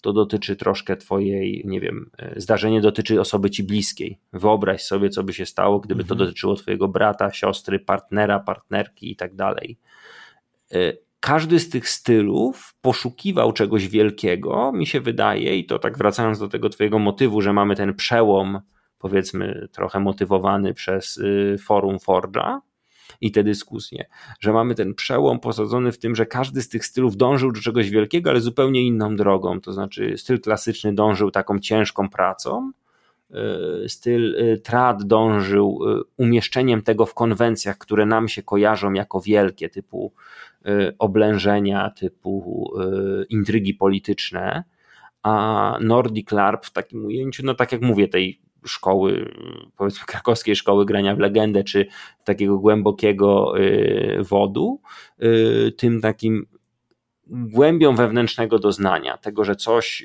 w środku nas mocno dotyka i wszystko zmierza do tej jednej obietnicy czegoś naprawdę wielkiego. Mhm. Pytanie czy polski trad to tak naprawdę trad? Czy nie należy mówić o polskim stylu grania, może polskim stylu lat grania lat wczesnych przyłomu wieków, mm, który tak naprawdę jest mieszanką przynajmniej trzech kultur grania, y, obiecując realizację wszystkich obietnic ze wszystkich trzech kultur. I odnosząc częste porażki z powodu tego konfliktu. Czy jednak, czy jest to polski trad, czy to nie jest za wąskie pojęcie? Ja bym się bał próby konstruowania tak szybko takiego Frankensteina. Mhm. E, chyba w, wydaje mi się, że e, lepiej zobrazujemy sytuację definiując strat tak, jak on jest definiowany i mówiąc na przykład, że polski styl grania był tradem albo wychodził nieco z tradu, inkorporując jakieś inne rzeczy. Tym mhm. bardziej, że. Mm, ale nie, czyli ale jednak, bo chodzi, głównie chodzi o to, czy powinniśmy mhm. mówić polski trad, czy lepiej mówić polski styl grania, ponieważ jest zbytnim uproszczeniem mówienie, że to jest trad. Mm, pytanie, czy w ogóle polski styl grania tak naprawdę, czy my jednak nie tworzymy chochoła, bo jesteśmy wychowani w odnoszeniu się do czegoś. Mm. Czy był jeden polski styl grania, nawet w tym okresie? Czy nie jest tak, że jest pewien konglomerat dość specyficznych rzeczy, które się często przewijały, ale jednak ludzie grali e, bardzo różnie. Na przykład zauważcie, że esencjonalnie tradowo kojarzy nam się granie w Neuroshimę mm -hmm. i pewne obietnice, jakie przynosi ta gra, e, ale to było jednak różne granie od grania w świat mroku, a może nie, a może było, ale tam, gdzie było identyczne, tam było po prostu tradowe. Czyli mistrz gry, przy, przy, bo dla mnie jakimś takim e, esencji, jakbym miał szukać, te, teraz szukam trochę taką fenomenologiczną metodą, czyli odzieram e, kolejne rzeczy i zastanawiam się, co jest esencją tradu. Już teraz nie polskiego, w ogóle jakiegokolwiek i teraz nie definicyjnie, tylko jako doświadczenie. Kiedy jestem pewien, że będzie tradowa sesja. E, jestem pewien, kiedy, że będzie tradowa sesja, kiedy mistrz gry ma gotowy scenariusz, który jest raczej liniowy i jest do przeprowadzenia. I teraz, czy on do, dodatkowo do tego dokręci fajny system awansów, że każdy kolejny liniowy scenariusz będzie potężniejszy, czy zrobi e, długie fragmenty na sceny, gdzie będziemy głęboko przeżywać rzeczy, to są dodatki, ale dopóki ta struktura rozgrywki jest zachowana, czyli mistrz gry mówi, mam super scenariusz. I teraz może powiedzieć, możemy rozgałęziać sobie to drzewko, może powiedzieć, mam dla was gotowe postaci, bardzo tradowa rzecz, przygotowane pod tą przygodę, żeby odpaliły się rzeczy, które mam dla was przygotowane i żeby te postacie od razu były, to co mówił Hans o tym, że ustawiamy sytuację zamiast ją budować organicznie, po co mhm. czekać, aż dojrzeje historia. Gotowe postacie są pewnym owocem tej logiki ostatecznym. I bardzo często w Quentinowych scenariuszach i tak dalej to się pojawia, zresztą to, to nie jest koniecznie tylko tradowe, ale jest pewnym symbolem tego ale może też powiedzieć, zróbcie sobie fajne postacie, Londyn lata 20 będzie śledztwo, zróbcie postacie, które pasują do tego śledztwa, to dalej jest stradowe, bo te postacie mają się zmieścić w pewnym scenariuszu. Może też powiedzieć, przynieście wasze dowolne postacie do Warhammera, bo ja i tak wymyślę, dlaczego rozwiązujecie zagadkę baronowej, bo tak gramy. E, jakby, ale dopóki mistrz gry przynosi gotowy scenariusz, który jest opowieścią, który on przeczytał, bo te scenariusze tradowe są jeszcze tak pisane, żeby mistrzów gry na nie łapać, ja się latami łapałem na to, e, że po prostu są ciekawe same w sobie i wydawcy o tym wiedzą. Mistrz gry najpierw czyta tą historię, de facto ona jest, ona jest prawie gotowa, dlatego się ją tak dobrze czyta. My trochę czytamy półopowiadanie, które czasem ma warianty. Jeśli gracze pójdą tam, pamiętaj o tym i tak dalej, i tak dalej. Albo takie okrągłe zastrzeżenie, że oczywiście gracze mogą zrobić coś innego, ale on, mistrzu gry, będziesz słaby, jeżeli do tego dopuścisz. Jakby dobrze, dobrze wiemy, że tak się nie wydarzy, my twórcy scenariusza, ale ale też trudny test i do przodu. Tak, ale też, ale też oczywiście mistrzowie gry później, wzorując się na tych scenariuszach, sami pisali swoje w ten sam sposób. A więc autorskie scenariusze to też jest jakby dalej to samo, dopóki mistrz gry ma do opowiedzenia historię, e, która jest tylko częściowo interaktywna i całe doświadczenie jest przygotowywane pod to, poprowadzę wam scenariusz, to wszystkie inne rzeczy wydają mi się dodatkowe, ale mamy do czynienia z czystym tradem. I w tym sensie ta polska szkoła gry, jaka by nie była przez te lata formacyjne, była właśnie tym. Mhm. E, w związku z tym uznałbym ją za tradową, w sensie, że po prostu to dla mnie trochę definiuje trad. Ten sposób ta struktura Czaję. rozgrywki.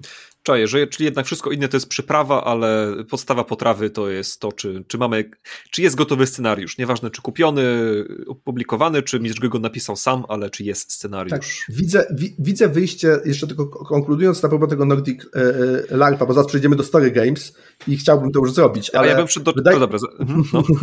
E, to kończąc tylko, wydaje mi się, że czasem przez, no, przez polski Nordic LARP y, mogło być prawie nieświadome wyjście z tradu y, i z tej struktury, tam gdzie de facto grano LARPy na sesji. W sensie jestem przekonany, że grano takie sesje Legendy Pięciu Kręgów, gdzie mistrz gry ustawiał sytuację w sposób otwarty, tak jak w LARPie, bo brał to z LARPów, albo tak głęboko chciał zadbać o imersję, więc mówił, to są negocjacje na temat małżeństwa daimio.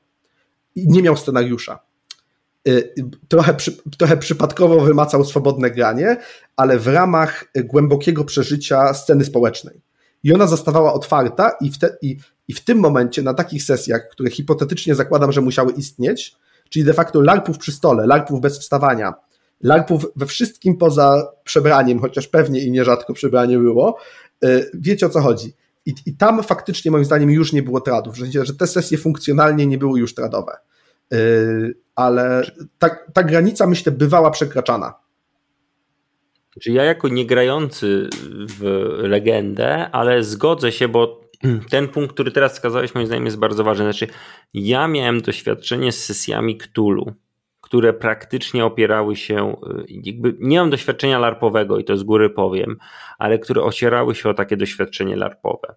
To znaczy sesji takich, do których dochodziło do tego, że kiedy gracz mówił uderzam go bagnetem w twarz, to wykonywał gest ręką wprost w kierunku mistrza gry, celując tak, jakby posiadał broń, żeby wykonać ten. I ja w latach 2000 brałem udział w takich sesjach i rzeczywiście to jest to, że y, znajduje się to pewne otwarcie, nawet jeżeli to jest otwarcie sceny, nawet jeżeli potem następne sceny mają być liniowe, to w jakiś sposób dochodzi, możemy powiedzieć, że e, była taka pokusa, że jakby nie da się ująć emocji w takie ramy e, tradowego grania. To znaczy, trad nie idzie emocjami, a Nordic LARP jednak tymi emocjami w jakiś sposób e, rozgrywa. I nie ma takiej sytuacji, w której Trat dokona jakiejkolwiek koncesji na rzecz emocji względem fabuły. To znaczy, Trat nadal będzie, mówimy o Nordic LARPie, a pojawia się słowo Trat. Trat jest moim zdaniem najbardziej intelektualnym ze wszystkich tych kultur, najbardziej intelektualną ze wszystkich tych kultur grania. To znaczy, osadzoną w takim mhm. konkretnym zamyśle, który od początku do końca musi przecinać jak lina łącząca poszczególne elementy całą tą sytuację. Hmm. No to, to ja mam takie pytanie w takim razie. Czy przechodzimy do story gamesów, czy mówimy o neotradzie? Ja bym to ja sobie bym poprzecinał. A ja nie, ja, ja bym to poprzecinał. Wydaje mi się, że rozmowa będzie ciekawsza. Że y, zostawimy wątek, on nam trochę dojrzeje w głowie, może przyjdą fajne pomysły. I tak jak OSR będzie ciekawszy, omówiony nie bezpośrednio po klasyku, mhm. y, y, pętle są dobrym sposobem myślenia, nawracanie do czegoś, więc może dobrze nam zrobi wyjść, wystawienie głowy z tego tradu, żeby potem tam wrócić. Games. Znaczy o OSR-ach trochę Prowadź mówiliśmy tak naprawdę już, czyli dobra, myślę, że te końcówki będą trochę krótsze, też są nowe gatunki, mają mniej historii siłą rzeczy. Chociaż Story Games już staje się powoli starym gatunkiem, no, on ma już dobre z 15 lat chyba tak na oko, takiego dojrzałego, a on się narodził gdzieś w początek 2000, prawda?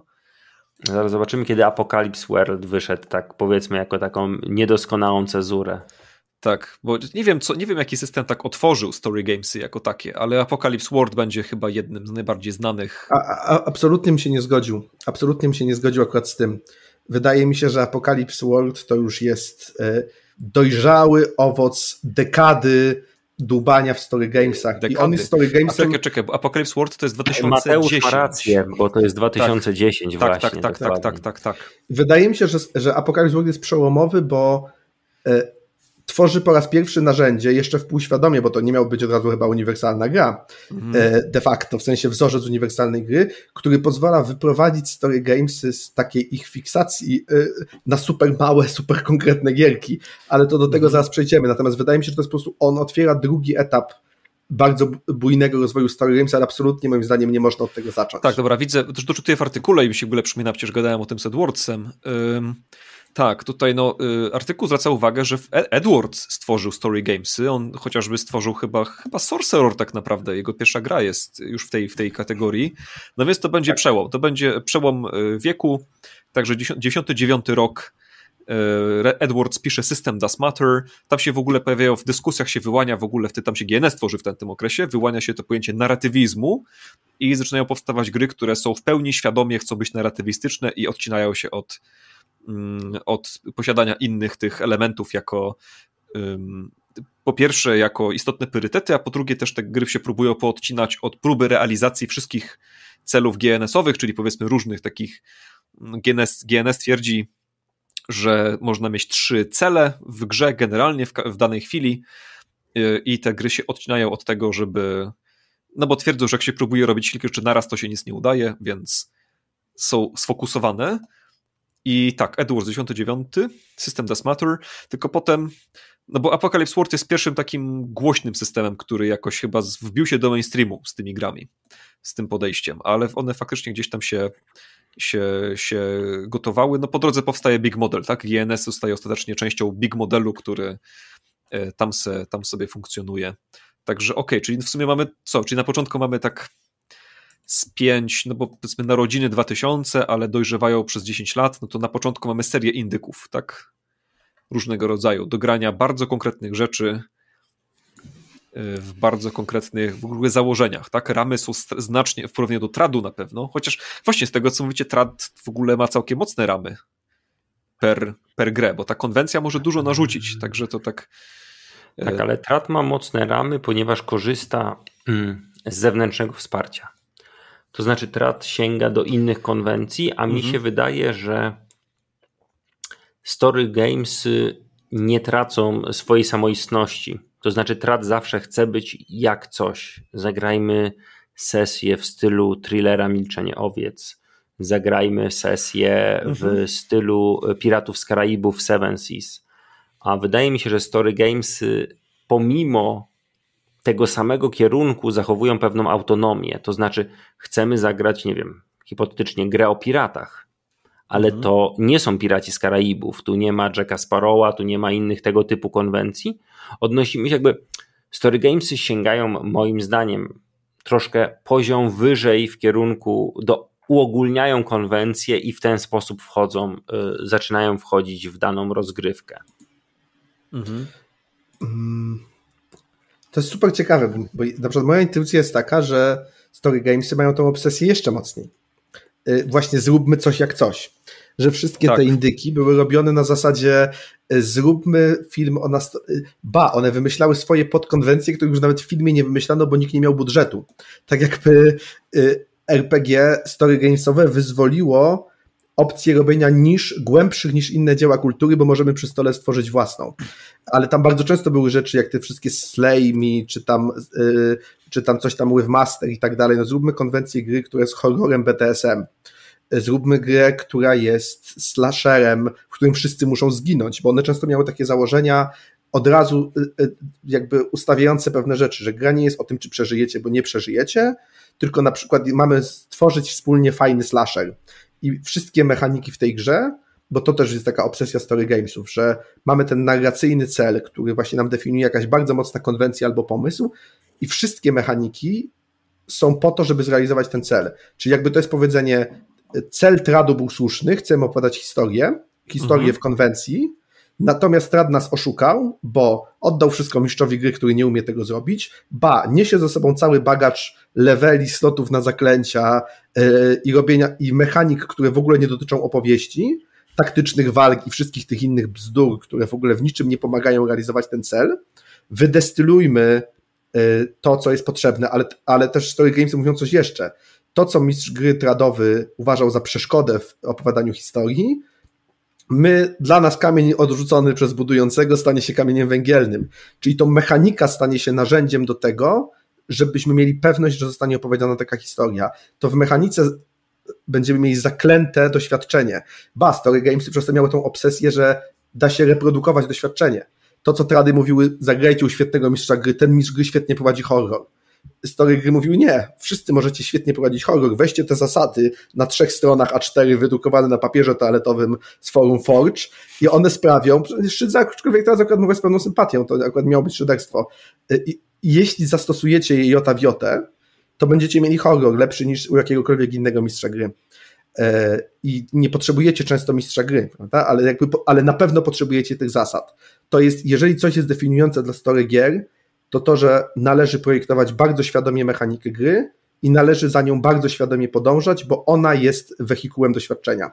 Nie ma żadnych złotych zasad, nie można obchodzić zasad, bo to one są e, e, naszą machiną do, do opowiedzenia tej historii. Dzięki, niej, dzięki nim to jest w ogóle możliwe, nie ma, nic, nie ma innej ścieżki.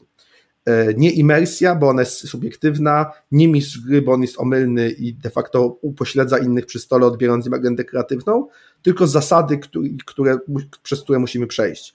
Więc ja tutaj bym, ja uważam, że akurat ta, ta fiksacja na konwencję, która faktycznie jest w tradzie i to Hans mówi słusznie, ona tutaj moim zdaniem, ona się jeszcze, y, że jakby Trad ze story gamesami są w takiej love-hate relationship, to jest zbuntowany nastolatek, który nie chce mieć nic wspólnego mm. ze mhm. swoim ojcem, ale przecież jest tak bardzo podobny do swojego ojca pod wieloma względami. Tak, ja tu się Mateusz e. zgodzę z tobą, też czuję na pewno, że yy, tak, story gamesy są bardzo, jest dużo konwencji, jest obsesja na punkcie yy, spójności tam artykuł mówi, że do, minimalizowanie tego dysonansu ludo, e, ludonarracyjnego, tak?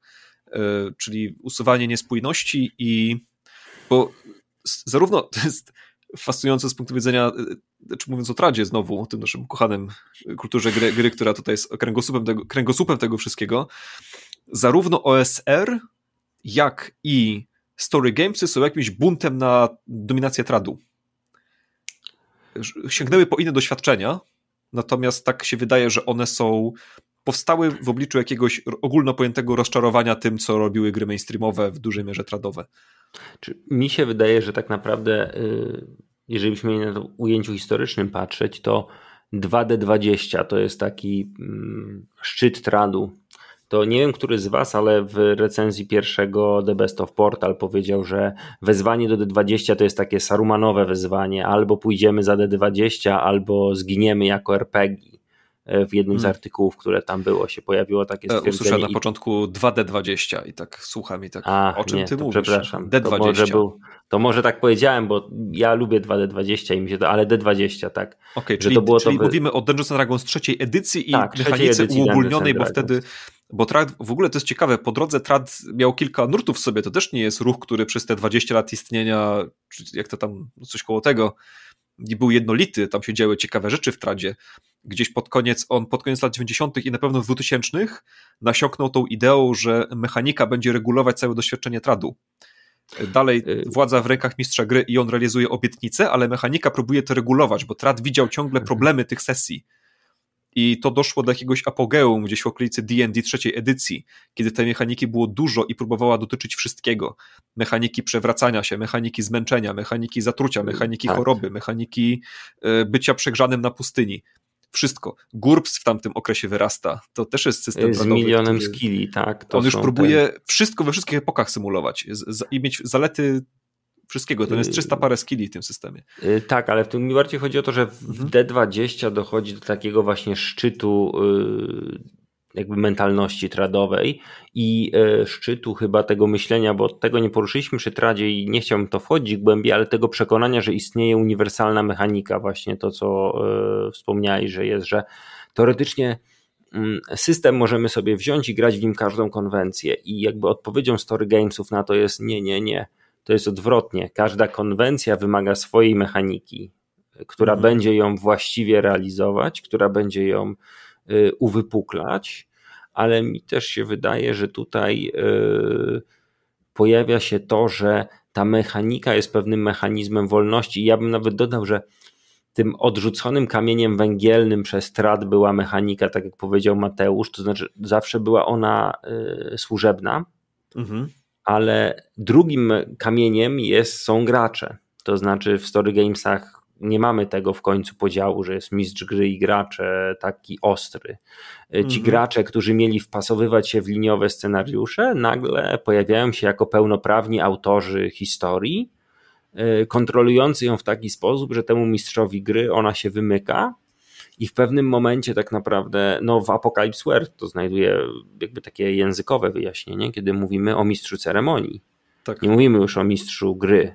On nie rządzi grom, on, mistrz, on rządzi tym naszym spotkaniem przy stole, gdzie wszyscy w jakiś sposób jesteśmy na zasadzie takich, no powiem, religijnego terminu koncelebransów y, tego wydarzenia, mm, przy którym mm. się znajdujemy po prostu. E, ja jeszcze, zanim powiem coś o Apocalypse World i moim zdaniem przełomie, jakiego on dokonał, jeszcze a propos tej, e, tego wyzwolenia przez mechanikę, bo ono często przyniosło, e, no ono doprowadziło do pewnego rozczarowania i do przemiany story, story gamesów, no bo tam idea była taka, odbieramy władzę mistrzowi gry, on jest jednym z graczy, prawie wszystkie story gamesy pilnowały tej terminologii, której się zresztą trzyma dzisiaj wiele gier, że wszyscy są graczami przy stole. Nawet jeśli jest mhm. mistrz gry z jakiegoś powodu, to jest to jeden z graczy. Bardzo, bardzo istotne podkreślanie jest w tych często zasadach, że tak jest. Że on może mieć inne zadania, ale on ostatecznie jest równy przy stole. Jako uczestnik doświadczenia jest taki sam. E, natomiast e, tam jakby kieratem często bywało co innego, czyli właśnie konieczność wspólnie razem, ale w bardzo sztywnych ramach musimy realizować pewne rzeczy, żeby dostać doświadczenie. E, I to jest takie często było zasiadanie, w sensie ja pamiętam parę sesji Indii z okresu, kiedy story gry bardzo rządziły i tam było taki rodzaj trochę na, na, naiwnego mistycyzmu w postaci właśnie wiary w moc tych zasad, że one nas, nad, że one nas spłyną, że jeżeli je tylko zrealizujemy, to będzie wspaniałe doświadczenie, to trochę tak nie działa. Albo czasem działało, czasem nie, ale to było trochę za mało. I w tym sensie powstanie Apocalypse World i potem PBTA i dla mnie jest jakimś symbolem wzrostu jakby story gry przestają być zbuntowanym trzynastolatkiem i idą trochę na studia, w sensie dalej realizują te same cele, są zbuntowane wobec tradowego ojca, ale na przykład rozumieją, że ojciec w pewnych sprawach miał rację, akceptują pewną dyskrecjonalność mistrza gry, nakładają na nią już innego typu ramy, czyli nie taką niewolę zasad, które trzeba sztywnie przestrzegać, tylko poczucia, nie, nie, nie, musisz działać według pewnych wytycznych, obowiązuje cię pewna konwencja, dajemy ci narzędzia inne do realizacji tych wytycznych niż tradowe, ale z powrotem trochę siadasz na fotelu. Jest zmiana na mistrz ceremonii, ale trochę akceptujemy to, że mistrz gry trochę wraca na swoją pozycję. Jesteśmy już mądrzejsi, mówią story, jakby tacy PBTA story game'owcy mogą powiedzieć, jesteśmy już mądrzejsi o, o pewne doświadczenia, nie damy wrócić mistrzowi gry w tej formie tyrana albo niespełnionego pisarza, ale akceptujemy, że w naszej rozgrywce taki ktoś, taki specyficzny moderator, nadawacz rytmu, właśnie mistrz ceremonii jest potrzebny. Y, zostawiamy, y, robimy z mechaniki narzędzie, które jednocześnie ma wspierać narrację, ale nie ma jej wspierać na sztywno, tylko ma być pewnym smarem i tak dalej, i tak dalej. Wydaje się, że PBTA się wydaje w tym kontekście y, dojrzałymi rozwiązaniami dalej na story game'owe problemy, pytania i oczekiwania, ale dojrzalszymi odpowiedziami, które nie mają już takiego naiwnej wiary w zaklęcie, nie? bo trochę mhm. zasady tych sztywnych, dawnych indyków to były takie trochę magiczne zaklęcia, które miały czarodziejsko dać doświadczenie grupie ludzi. Tak, e... czuję, że tu można chyba trzy okresy story gamesów wydzielić, tak przynajmniej moja głowa na razie tak dzieli. Pierwszy to będzie ten okres, tych okres gier indie, super wyspecjalizowanych z tym właśnie kultem zasad i tak dalej. Tam wtedy też się pojawia kult może przesada, ale filozofia grania raw, filozofia grania zgodnie z zasadami, e, ona też myślę, że właśnie w tym nurcie chyba najbardziej się, się rozwija. To, co mówisz, drugi etap. I teraz tak, ten etap to teoretycznie to nie musi być PBTA, ale PBTA chyba go zdominowało. Jeśli mówimy o tym ekresie właśnie średniego wzrostu story gamesów, to mówimy o PBTA, bo no jakby taki sukces PBTA po prostu. Czyli Apocalypse World i wszystkich systemów, które są Apocalypse World, ale z innymi nazwami, bo te wczesne haki Apocalypse World to jest w zasadzie to. Inne nazwy statów, inne nazwy ruchów, natomiast poza tym to jest dokładnie ta sama gra. I trzecia era to jest coś, co ja nie wiem, roboczo nazywam post-PBTA albo neo-PBTA. Gry, które bardzo często biorą pełnymi garściami z PBTA, biorą ruchy, biorą pewne filozofie grania i tak dalej, ale już eksperymentują, zmieniają, mieszają się bardziej z innymi stylami. E, no, Ostrza w roku uważam za, za grę na przykład taką. Ja, tak właśnie, ja, ja bym był w ogóle ostrożny, żeby przy mówieniu o kulturze story games wrzucić do niego całe PBTA, bo PBTA jest jednym z tych, tych ciekawych rzeczy, które ewidentnie wyrasta z założeń Story Games, po czym samo staje się tak dużym silnikiem, pomysłem, sposobem gry, że mhm. przychodzą ludzie z innych kultur, do których zaraz przejdziemy i mówią, ej, my możemy nasze założenia pożyczyć od was i wziąć, szczególnie, że Neotrat w ogóle robił to z różnymi storygrami y, i zaadaptować do naszego stylu gry, do, ale też część twórców PBTA powiedziała, ej, Y, możemy spokojnie zrobić grę, którą będą grali ludzie w bardziej klasycznej strukturze, znaczy bardziej tradowej, żeby już nie mylić pojęć, nie używać ich dwuznacznie, w bardziej tradowej strukturze, y, ale to dalej będzie PBTA. Dla mnie na przykład, zawsze to powtarzam, bo to jest jakby dobry przykład, dla mnie gra Monster of the Week jest grą do takiego y, raczej neotradowego grania, ono jest oczywiście na tym spektrum przesunięte, także jakbyśmy to mapowali w przestrzeni, to będzie blisko Story Games, ale moim zdaniem jednak jest po tej stronie granicy, gdzie już jest Neotrat. Kult, y, ostatnia edycja.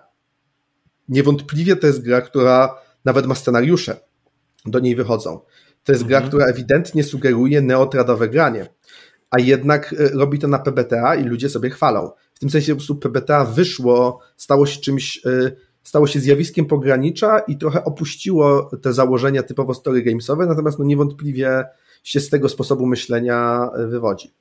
Czy mi się wydaje, że z PBTA kwestia jest taka, że ono w pewien sposób podjęło taką próbę niedoskonałą i jakby niedoskonałą w założeniu, to znaczy nie chciało wejść w te buty właśnie D20 czy Basic Roleplay, że jest jeden system będziemy grać na drudycji od teraz wszystko, ale powiedziało: hej, ten nasz system można stosować do naprawdę wielu elementów, bo mamy taki pomysł jak ruchy, tylko my ten pomysł musimy wykorzystać, jakby weźcie ten pomysł i rozpiszcie te ruchy tak, jak wasza gra oczekuje, żeby one występowały.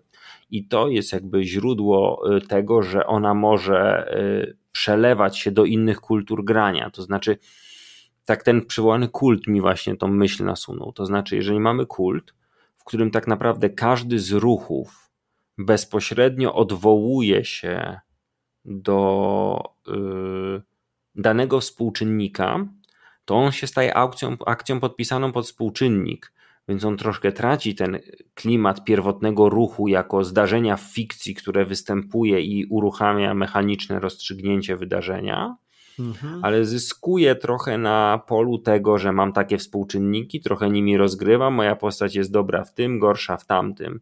I tu rzeczywiście mocno widać to połączenie to z jednej strony pokazuje, jak bardzo mechanika ruchów, tych właściwych ruchów gracza jest elastyczna, a z drugiej strony pozostaje to, co jest po stronie mistrza gry, czyli ruchy miękkie i ruchy twarde, które po prostu nadają język decyzjom, powodując, mhm. że one nie są tak arbitralne. To znaczy, nie możemy powiedzieć, że teraz cię zabijam, odpalam ruch twardy. Ten ruch twardy był sygnalizowany przez, nie wiem, dwa czy trzy ruchy miękkie. Mogłeś się spodziewać, że jeżeli będziesz dalej szedł tą drogą, mhm. to twoja konsekwencja będzie rosła.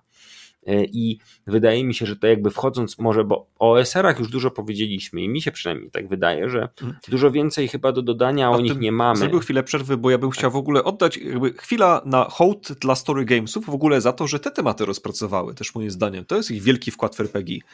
E, zwrócenie uwagi, nazwanie rzeczy nienazwanych przez lata. Takie jak pozycjonowanie. Absolutnie.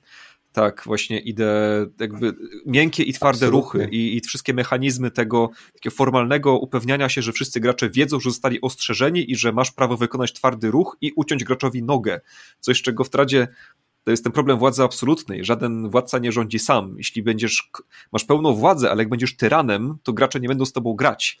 Więc trochę nie masz pełnej władzy. Musisz się samoregulować i tak dalej. Story Games. Tak, tak, tak, tak, no. tak. To jest, to jest super. Ja, ja byłem w ogóle swego czasu zafascynowany tym tematem i teraz mi się odpaliła ta fascynacja, że Story Gamesy znaczy PBTA konkretnie, bo akurat starsze Story Gamesy po prostu y, miały tą obsesję, żeby mistrzowi gry zabierać, zabierać, zabierać, trudno im się dziwić, ale ta faza PBTA była coś innego. Ona y, często, y, i to jest ten słynny przykład 16-hapekowy smok tego tekstu o Dungeon Worldzie, powiększyła władzę mistrza gry, realną władzę mistrza gry, odwagę do robienia pewnych rzeczy, nadając logikę i sens jego decyzjom, którą on nawet sam przed sobą może wyjaśniać. Ba, może ją wyjaśniać graczom. Jego władza dalej jest w sumie dyskrecjonalna, ale przez to, że ma pewne struktury i formy, które są zrozumiałe przy stole, to on ma wreszcie możliwość zrobienia tego nie będąc bucem, mówiąc wprost. W sensie tradowy mistrz mógł zrobić mnóstwo rzeczy, ale paradoksalnie przez nieokreśloność tradu często był bardzo miękki. Chciał po prostu, żeby gracze przeszli jego scenariusz i wszystko było dobrze. I bardzo często wizja tradowego mistrza gry to nie jest straszliwy tyran sadysta, a jeśli już jest, to jest patologiczny mistrz gry. Bardzo często niepatologiczny tradowy mistrz gry to jest gość, który wiecznie szukuje na kościach, żeby gracze wygrali każdy kanter i przeszli przez jego fabułę i dostali na końcu medal. E, taki miękiszon, taki railroadujący miękiszon. E, a nagle się okazało, że uzbrojony w takie narzędzia jak właśnie ruchy twarde i ruchy miękkie e, mistrz gry w PBTA może właśnie ucinać graczom nogi, zabijać ich jednym strzałem i wszystko jest w porządku. I wszystko tak, jest ok. Bo to jest ta koncepcja, że ograniczenia tworzą wolność. To znaczy, mhm. jeżeli z jednej strony trochę przyblokujemy kogoś, to widzimy, że on wyrasta w drugą stronę, no tak jak nie wiem, w ogrodnictwie przycina się roślinę i ona daje nam dany, dany efekt. I to jest to, moim zdaniem, gdzie pewien z elementów różnicy między old schoolem czy klasycznym graniem istnieje, a e, OSR-em. To znaczy, tak jak powiedziałem, OSR z jednej strony y, jakby afirmuje inne elementy, ale dostrzega jedną rzecz, że ta cała historia, która spowodowała, że staroszkolne grane zanikło i zamieniło się w trat, polegała też na pewnej barierze językowej. OSR nie wchodzi co prawda tak jak właśnie PBTA, że mówi ruch miękki, ruch twardy, bo tak jak powiedział Mateusz, to jest bardzo dobry podział, ale mówi pamiętaj o tym, żeby zawsze jasno powiedzieć konsekwencje. Jeżeli tu jest pułapka, jeżeli wchodzisz do lochu, to wiesz, że tam są pułapki, bo tak działają lochy. Jeżeli gdzieś ma być, jeżeli gracz się pyta, co jest w danym pomieszczeniu w lochu, to i masz pułapkę, która, nie wiem, wysuwa ze ściany włócznie i one od razu mogą zabić, to mówisz, jeżeli przyjrzysz się pomieszczeniu, to widzisz otwory w ścianach y, korytarza. Jeżeli mhm. gracz powie, OK, idę tam, mimo że mu to powiedziałeś, to jest takie jakby mapowanie y, pojęcia miękkich i twardych ruchów tym klasycznym opisem. To jest to, co następuje, ale rzeczywiście ten kamień milowy w rozumowania o grze, które wprowadziły Story Gamesy, to jest to, że pamiętaj o tym, żeby powiedzieć. Nie w taki sposób, bo Trat traktował taką informację jako sygnał w scenariuszu, tam nie można iść. Jeżeli mówi się, mhm. Y, tam są, z, y, widzicie szkielet na środku korytarza, to gracze wiedzieli, nie, tą drogą nie możemy pójść, bo tam jest zabójcza pułapka, która nas zmieli. Mistrz gry chce, mhm. żebyśmy poszli w drugą kierunku. Tu się A, trochę y, wtrącę, jeśli mogę, jako ekspert. Proszę. Mhm. Bo game design i pojęcie feedbacku. Feedback jest dobry po prostu. Znaczy, uważam, że RPG, które, RPG, czy też mistrzowie gry, którzy zaniedbywali przekazywanie informacji, o których mówisz, zaniedbywali feedback zaniedbywali dawanie graczom, czy nie tylko feedback, informacje graczom, nie dali graczom informacji do podjęcia decyzji, z której potem gracze byli rozliczani. Y, feedback też może być związany z tym, że gracze nie czują, nie dostają dość informacji o konsekwencjach swojej decyzji. W ten sposób ich podejmowanie decyzji jest wybrakowane i czują się sfrustrowani grając, bo dlaczego zginąłem, zrobiłem wszystko dobrze. I tu mi się wydaje, że to jest nie tyle kwestia kultur, co tak by w każdej kulturze, czy to co mówisz, tak, że to jest coś, co zawsze należy robić dobrze, bo to jest jedna z tych rzeczy uniwersalnych po prostu. To nie jest kwestia gustu, tylko to należy mieć. Story Games najlepiej to nazwały jak na tamten czas. OSR-y no może trochę robiły to przez konwencje w pewny, no Tratnią chyba najgorzej, tak, bo był znaczy, najbardziej tak, OSR-y, Natomiast, OSR-y mówiły tak. czego chcesz. OSR-y mówiły wprost czego chcesz. Story Gamesy wytworzyły na to siatkę językową, a Trat moim zdaniem potraktował to jako właśnie służalco, to znaczy ponieważ mówimy fabułę, to chcemy powiedzieć coś więcej niż y, to, co chcemy powiedzieć. To znaczy, tak jak mówię, y, szkielet na środku korytarza w OSR-ze mówi zagrożenie. Mhm. E, w Story Gamesach możemy ubrać to w jakieś y, inne ruchy, na przykład y, w jakiś sposób nadajemy tą informację w, inny, w innych warunkach. To oczywiście tam już wymagałoby przemyślenia w danej sytuacji. Ten korytarz w niektórych Story Gamesach, nie, niezależnie co oznacza szkielet, to gracze się precyzyjnie dowiedzą o tym, co oznacza. E, tak, a, a trad, ponieważ każdy sygnał w tradzie musiał nie tylko przekazać coś dotyczące danej sytuacji, ale też cał ogółu fabuły, mhm. to do, do wniosku takiego, takiej sytuacji domyślania się przez graczy, czego mistrz gry od nas oczekuje. On znaczy, ja myślę, że pójścia pies tam, jest pogrzebany w tradzie w innym problemie, bo feedback dotyczy, dotyczy decyzji, a trad nie lubił się z decyzjami graczy. No właśnie. Więc jakby... E, jeszcze zanim wyjdziemy ze Story Gamesów, bo one są, będą istotne przy omawianiu Neodradu bardzo, moim mhm. zdaniem, w sensie zbudowanie pewnej rzeczy, więc dużo powiedzieliśmy o tym, co dały mistrzowi gry, kiedy już, kiedy już yy, przepracowały fazę nienawiści do niego. Znaczy, ja też, żebyśmy byli, żeby, żeby to było jasne, to nie jest tak, że Story Gamesy y, całe wróciły na łono tego, że musi być mistrz bo są dalej y, nurty w Story Gamesach, jak na przykład, nie wiem, tam popularna, kupiona przeze mnie jeszcze nie rozegrana, śmieszna gra indie y, Alice is Missing, gdzie jest taki ćwierć mistrz gry, ale to nie jest mistrz gry. W sensie dużo jest dalej gier bez mistrza gry, ten nurt cię przyjął, został, zawsze z nami będzie. Natomiast y, dużo powiedzieliśmy o tym, że, że Story Gamesy dały dużo mistrzom gry y, y, i, i dały im pewien nowy warsztat, ale też bardzo dużo dały graczom. I to jest znowu ten element pewnej realizacji tradowych obietnic, których w ogóle trad nie miał pojęcia, że mogłyby być zrealizowane. I to jest wprzęgnięcie do mechaniki różnych rzeczy, przez które pewne cechy postaci mają znaczenie w świecie gry i są sposoby, żeby je objawiać. Czy to metawaluty, czy to jakiś e, fakt, że cechy postaci wybrzmiewają i dają jakieś bonusy w konkretnych sytuacjach. Wszystkie te pomysły powstawały e, na łonie story gier, często w jakichś małych formach, w małych gierkach, potem zostawały przenoszone do kolejnych gier, potem szerzej i szerzej i szerzej. Przecież takie rozwiązania jak aspekty z Fate'a. Czy Fate jest w ogóle, Fate jest trochę, ludzie grali w niego często bardzo tradowo, ale narzędzia z Fate'a to są wynalazki story gier. To właśnie, że możesz, to, że, że możesz odpalać jakąś cechę postaci w mechanice. E, I niezależnie od tego, że e, później się pojawił trochę przesyt tym, e, tym sposobem, to jednak już na zawsze zostanie z nami świadomość, że można dawać wyraz pewnym no, narracyjnym cechom postaci, czyli niekoniecznie tylko właśnie buildom mechanicznym, tylko pewnym faktom w świecie o postaciach można dawać mechaniczny wyraz. I gracz może mieć pewną kontrolę nad tym, żeby jego postać nie tylko robiła coś lepiej, ale żeby używając tego języka takiego opowieściowego wybrzmiewała. I że nie, nie zależy tylko od mistrza gry i tego, jak zrobić ciekawy dialog e, w, w tradowej scenie, tylko zależy też od pewnych konkretnych rzeczy, które może wprowadzić na sesję i może dać zoom na swoją postać i jej cechę i to będzie miało znaczenie w grze, ba, nie może być jej to odebrane, bo jest to jej kompetencja w zasadach gry. Więc ten e, e, empowerment graczy którzy chcą, którzy chcieli w tej tradowej obietnicy realizować opowieść, nawet w ramach opowieści mistrza gry, ma bardzo duże znaczenie, moim zdaniem fundamentalne dla neotradu w ogóle, mhm. kiedy już do niego sobie przejdziemy. Okej, okay, to teraz tak. Jest rok mniej więcej 2005-2010, te okolice. Story Games, jak mówimy, Apocalypse World tam się pojawia, robi się popularny i ktoś stwierdza, wiecie co, jednak dzikanie potworów nożami i kradnięcie ich skarbów. To jest to, czego nam potrzeba, czyli OSR-y. Jak to się stało, że mamy OSR-y? O tym już trochę mówiliśmy. Wydaje mi się, że OSR-y w ogóle są bardzo powiązane z oldschoolem. W ogóle, czy, czy oldschool jeszcze istnieje? Mam wrażenie, że OSR-y w zasadzie go wchłonęły w całości i nie wiem, czy ktokolwiek jeszcze gra. Jeśli ktoś by poprowadził sesję oldschoolową, jeśli byśmy go odmrozili z lat 90. i poprowadziłby sesję oldschoolową, to mógłby zostać pomylony po prostu z mistrzem gry OSR-owym. 70. Przepraszam. E, tak. tak. E, ale skreślili Garego Gygaxa, tak. Tak. E, nie, nie jestem do końca pewien, bo Gygax lubił to, co jakby w stylu gry Gygaxa, z tego co mi wiadomo i w jego pomysłach było zakodowane sporo rzeczy, które eksplodowały w trzeciej edycji.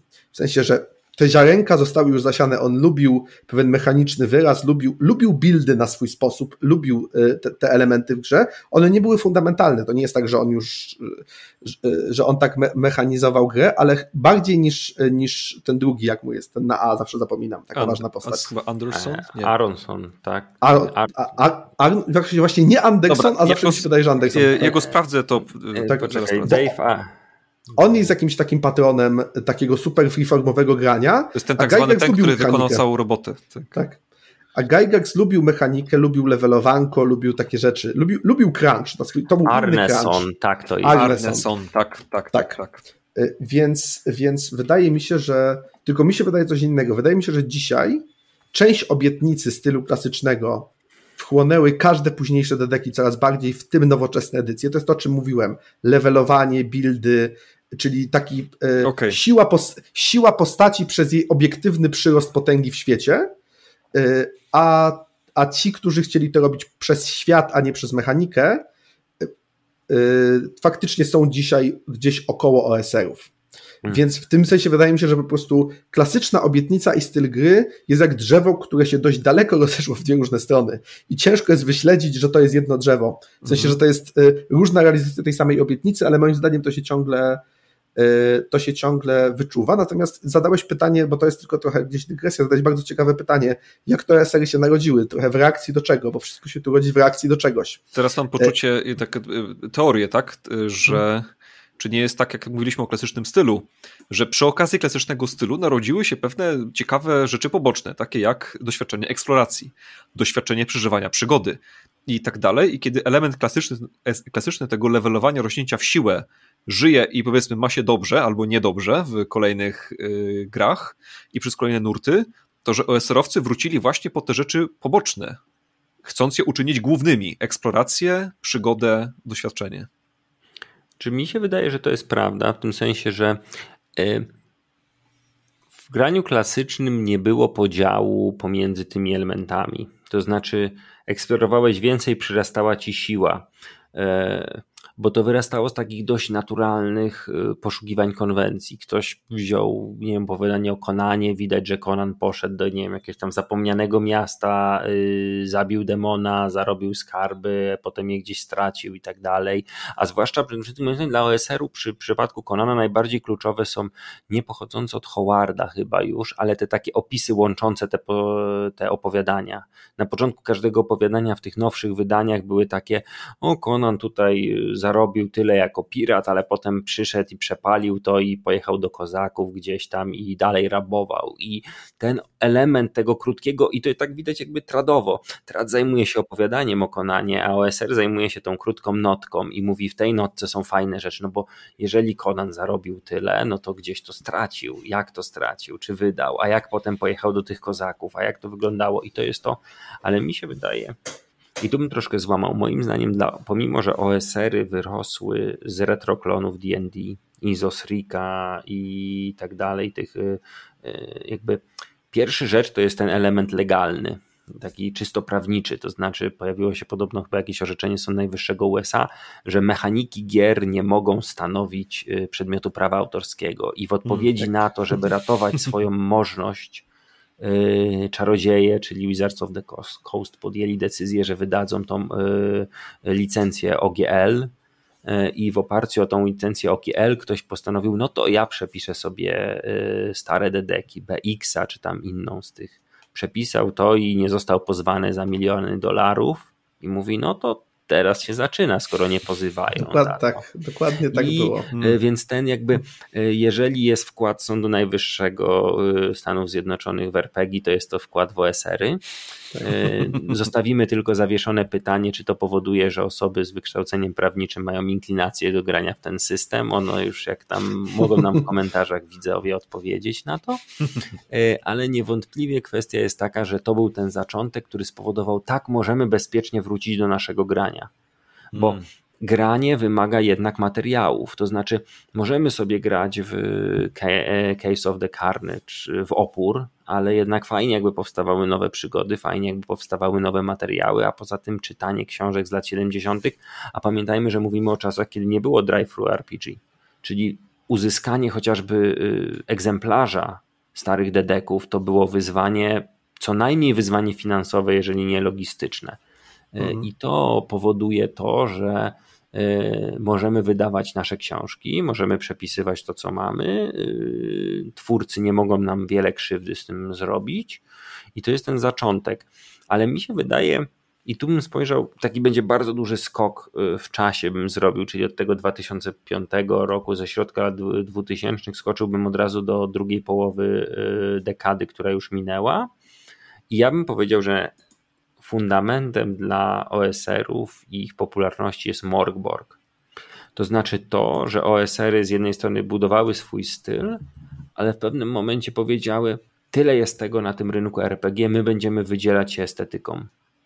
I w tym momencie powstaje moim zdaniem kluczowy dla mm, OSR-ów element, czyli element estetyczny. E, on istniał już hmm. wcześniej, bo istniał bardzo mocno zawieszony w e, lamentacjach, gdzie tak naprawdę był rozwijany chyba od 2013 roku, kiedy nagle w tych tanich publikacjach, znaczy jakby publikacjach nie na poziomie mainstreamowym zaczęły się pojawiać ilustracje bardzo wysokiego poziomu. I tu bym powiedział, dlaczego ten renesans jest takim ważnym słowem, bo to nie jest, tylko, nie jest nie tylko odbudowanie, ale renesans jest, był pewnym jakby historycznym e, motywem odwołującym się do estetyki, ale bardzo na estetyce skupionym. I OSR-y w swojej renesansowości odnoszą mhm. się do tego, do tej estetyki. To znaczy, nie jesteśmy w stanie pokonać y, mainstreamowych systemów na linii wydawniczej w rozumieniu, nie mamy tylu pieniędzy, żeby wydawać tyle podręczników, y, sieć sprzedaży i tak dalej, ale chcemy wykorzystać wszystkie materiały do mówienia o sobie, w tym materiały estetyczne.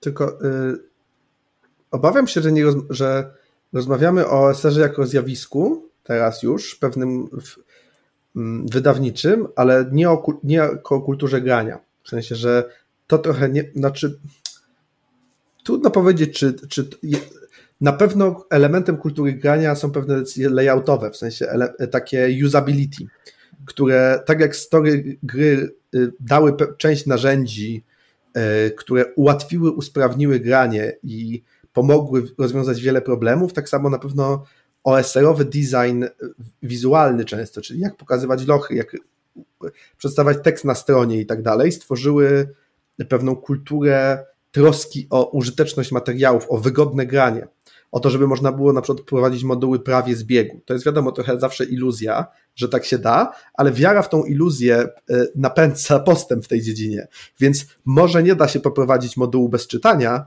ale na pewno da się go poprowadzić już po jednokrotnym czytaniu więc to bragadacio, że nasz moduł można poprowadzić bez czytania, warto przełknąć w imię tego, że po prostu to jest pewna reklama, ale faktycznie następuje realny postęp, więc to, że ktoś trochę przesadza, y, to nie jest problem, bo nie kłamie, nie? tylko trochę.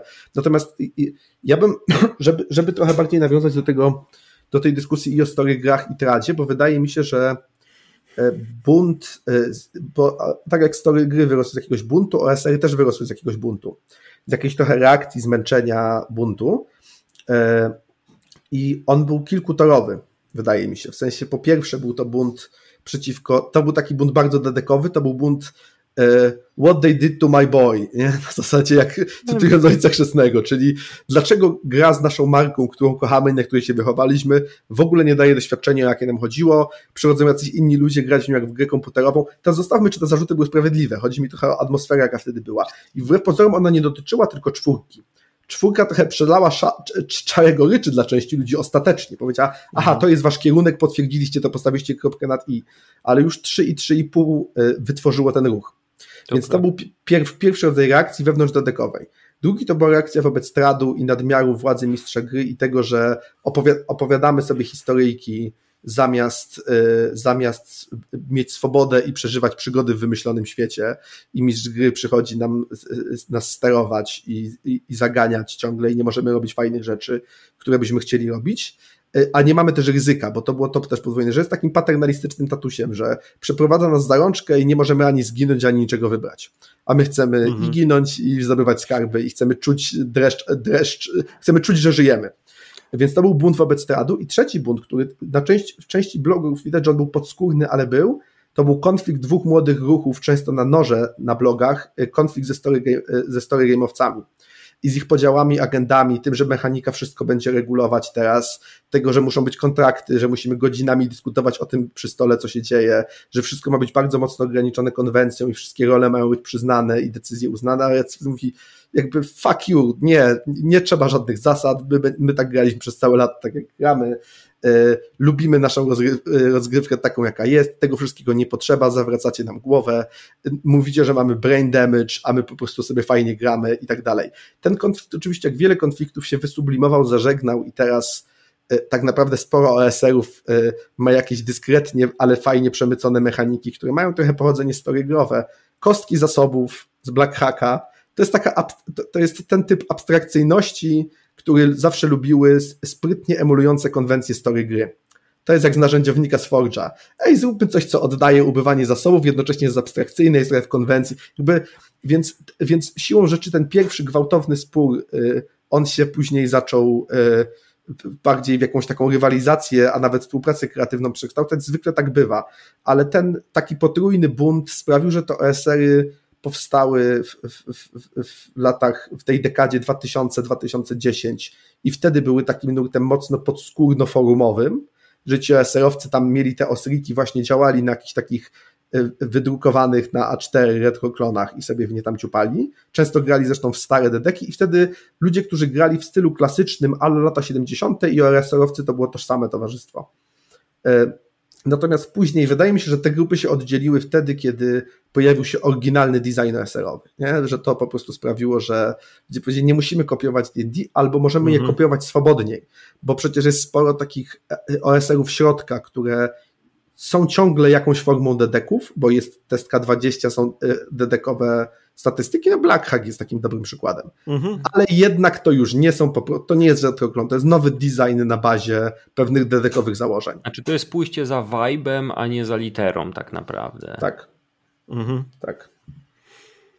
Przy czym widzę, no, tak. systemy typu Vagabonds of Dyfed też są już takimi yy, już w tej śmiesznej puli, którą nie wiadomo jak nazwać, więc chyba nawet nie ma co próbować. Znaczy czuć, że to jest jednak chyba OSR, ale jest już tyle domieszek, że, Ale ten, że, że zaczyna ten, ten krok, tu ci wejdę słowo, bo to akurat jakby ciekawa klamra i to coś, coś, co powraca.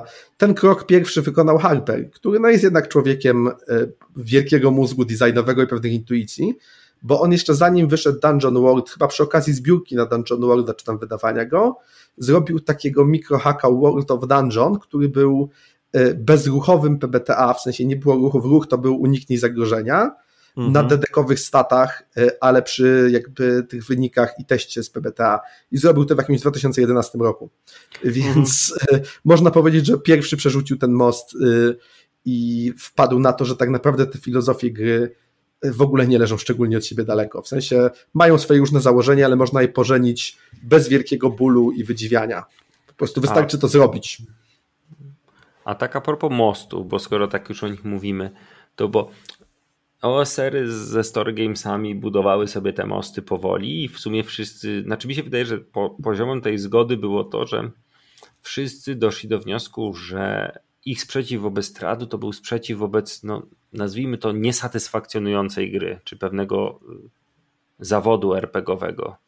W tym zakresie jakby zbierania się tych stylów mi się wydaje, że głównym tym zarzutem był po prostu brak pewnej satysfakcji stratowego y, stylu grania, e, który znajdował się zarówno po stronie e, wcześniej story gamerów, a i OSR-owców, ale chyba możemy powiedzieć, że ten brak satysfakcji stawał się coraz bardziej dominujący w ogólności. Yy, czego być może wyrazem było pewne jakby takie wyciszenie na rynku RPG pierwszej połowie mhm. drugiej dekady 2000, no tutaj naszego XXI wieku. Teraz. To jest moja teoria w tym właśnie, dlaczego była smuta RPGowa, dlaczego na 15 lat w zasadzie RPG y, przycichły. Ja mam poczucie, że to brak satysfakcji jest istotnym elementem. Tak, bo niektórzy wskazują gry komputerowe, jakieś inne media, internet i tak dalej. Niektórzy bardzo często mówią nie wiadomo dlaczego, a ja mam poczucie, że to jakieś e, przesilenie ja nastąpiło. Tak, ale wydaje mi się, że ono się dokładnie nakłada, jeśli patrzymy na te kultury, dokładnie nakłada się na moment, w którym trat już ewidentnie zawodzi, a OSR i Story Gamesy jeszcze są niszowe. I nagle powstaje luka, nagle powstaje miejsce, które nie zasysa, w sensie duzi wydawcy nie mają pojęcia, że trzeba coś zasadniczo zmienić, w sensie nie wydać nową edycję, tylko zasadniczo coś zmienić, a mali są jeszcze tak mali, że nie mogą tej luki zapełnić i nagle pojawia się smuta. No tak. bo, bo, nikt nie robi dobrego kontentu. Ale uważam jeszcze, że Story Gamesy i OSR-y by tego nie zapełniły, że jednak obietnica tradowa ciągle jest realna i żyje w sercach ludzi, Także no to, czego było potrzeba najwyraźniej to jest Neotrad. A to do, tak, na tak. to trzeba było jeszcze poczekać. To Story Gamesy tego nie. nie one, Story Gamesy musiały wypracować wnioski, które potem Neotrad ukradnie, żeby się powstać. Znaczy, Neotrad moim zdaniem y, musiało dojść do jakiegoś. Jakby nie mamy danych rynkowych, więc nie wiemy, jak wyglądały. Być może kluczowa była y, pewna porażka czwartej edycji DD. W sensie porażka w rozumieniu takim, że. Y, doprowadziła ona do odpływu dużej ilości y, obecnych graczy. Mhm. I być może to dało taki mechanizm, ale to jest czysta jakby moja taka hipoteza, którą można obalić, ale mam wrażenie, że to spowodowało takie pójście po rynku wrażenia tego, że trzeba poszukiwać tych y, dróg, bo kiedy spojrzymy na przykład na listę y, konsultantów do piątej edycji D&D, przy wszystkich jakby zastrzeżeniach do piątej edycji, które możemy mieć, to tam pojawiają się y, trochę OSR-owych autorów. To znaczy pojawia się przynajmniej takie, taka otwartość na recepcję pewnych koncepcji. Ona może być głębsza lub płytsza, ale dostrzegamy tego, że już nie my jakby w sile naszych korporacji jesteśmy w stanie wygenerować produkt, który będzie się sprzedawał, bo przecież jest rynek RPGów, więc kupujmy RPG i, mhm. i tyle. Ja bym przy okazji, zanim przejdziemy do Notrada, będziemy chcieli przejść szybko, chciałbym zrobić dwa zastrzeżenia dość istotne. Pierwsze dotyczy tekstu i tego, że e, autor połączył z, razem z Neotradem taką kulturę, e, od czego jest ten skrót OC? Rozwiniecie mi to, bo zapomniałem. Wiem o czym mówię, a nie pamiętam nazwy. Bo czy to jest original content? Nie.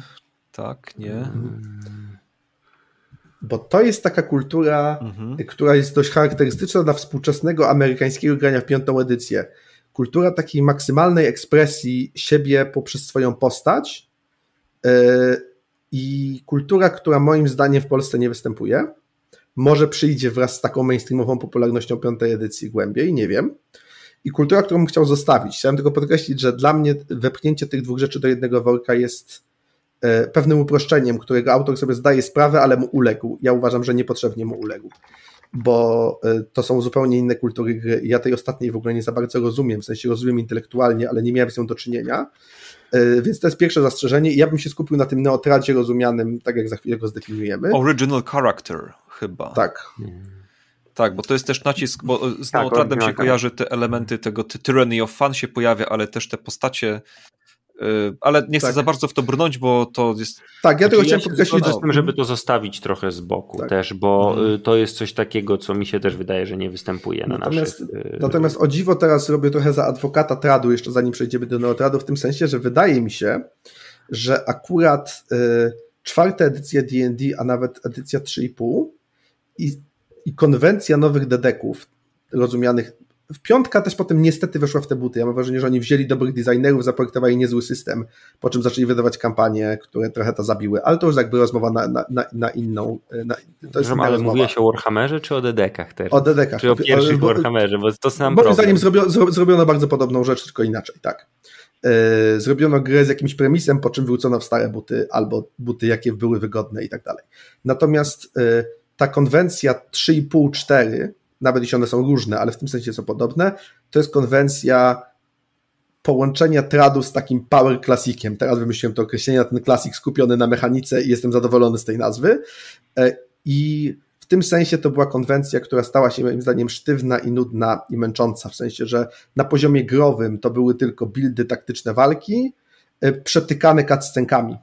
Oczywiście upraszczam, nie każda ta kampania taka była, ale jednak taki styl grania to nie jest tylko trad on był mniej ambitny niż Strat, bo te historie często były proste, bardzo liniowe i takie historie e, jakby frustrujące pewnie było to, że w OSR-ze możemy sobie, mając pełną swobodę, opowiedzieć ciekawszą historię, nawet z punktu widzenia czystego opowiadania, a przynajmniej jeszcze mamy decyzję, a tutaj obietnica tradowa zostaje spauperyzowana do poziomu banalnych historii o klepaniu goblinów, e, a dodatkowo wszystko jest zmechanizowane na maksa i przytłoczone crunchem w imię tego takiego power klasika, który już w sumie nie jest klasikiem i tak naprawdę czemu emulujemy gry komputerowe, co my zrobiliśmy z naszym medium. Trochę takie poczucie, że y, ani obietnicy tradowej już nie spełniamy, ale zostawiamy z tego tradu to, co nudne, czyli liniowość, ani obietnicy klasyka, jakby zakleliśmy ją tylko w levelowaniu.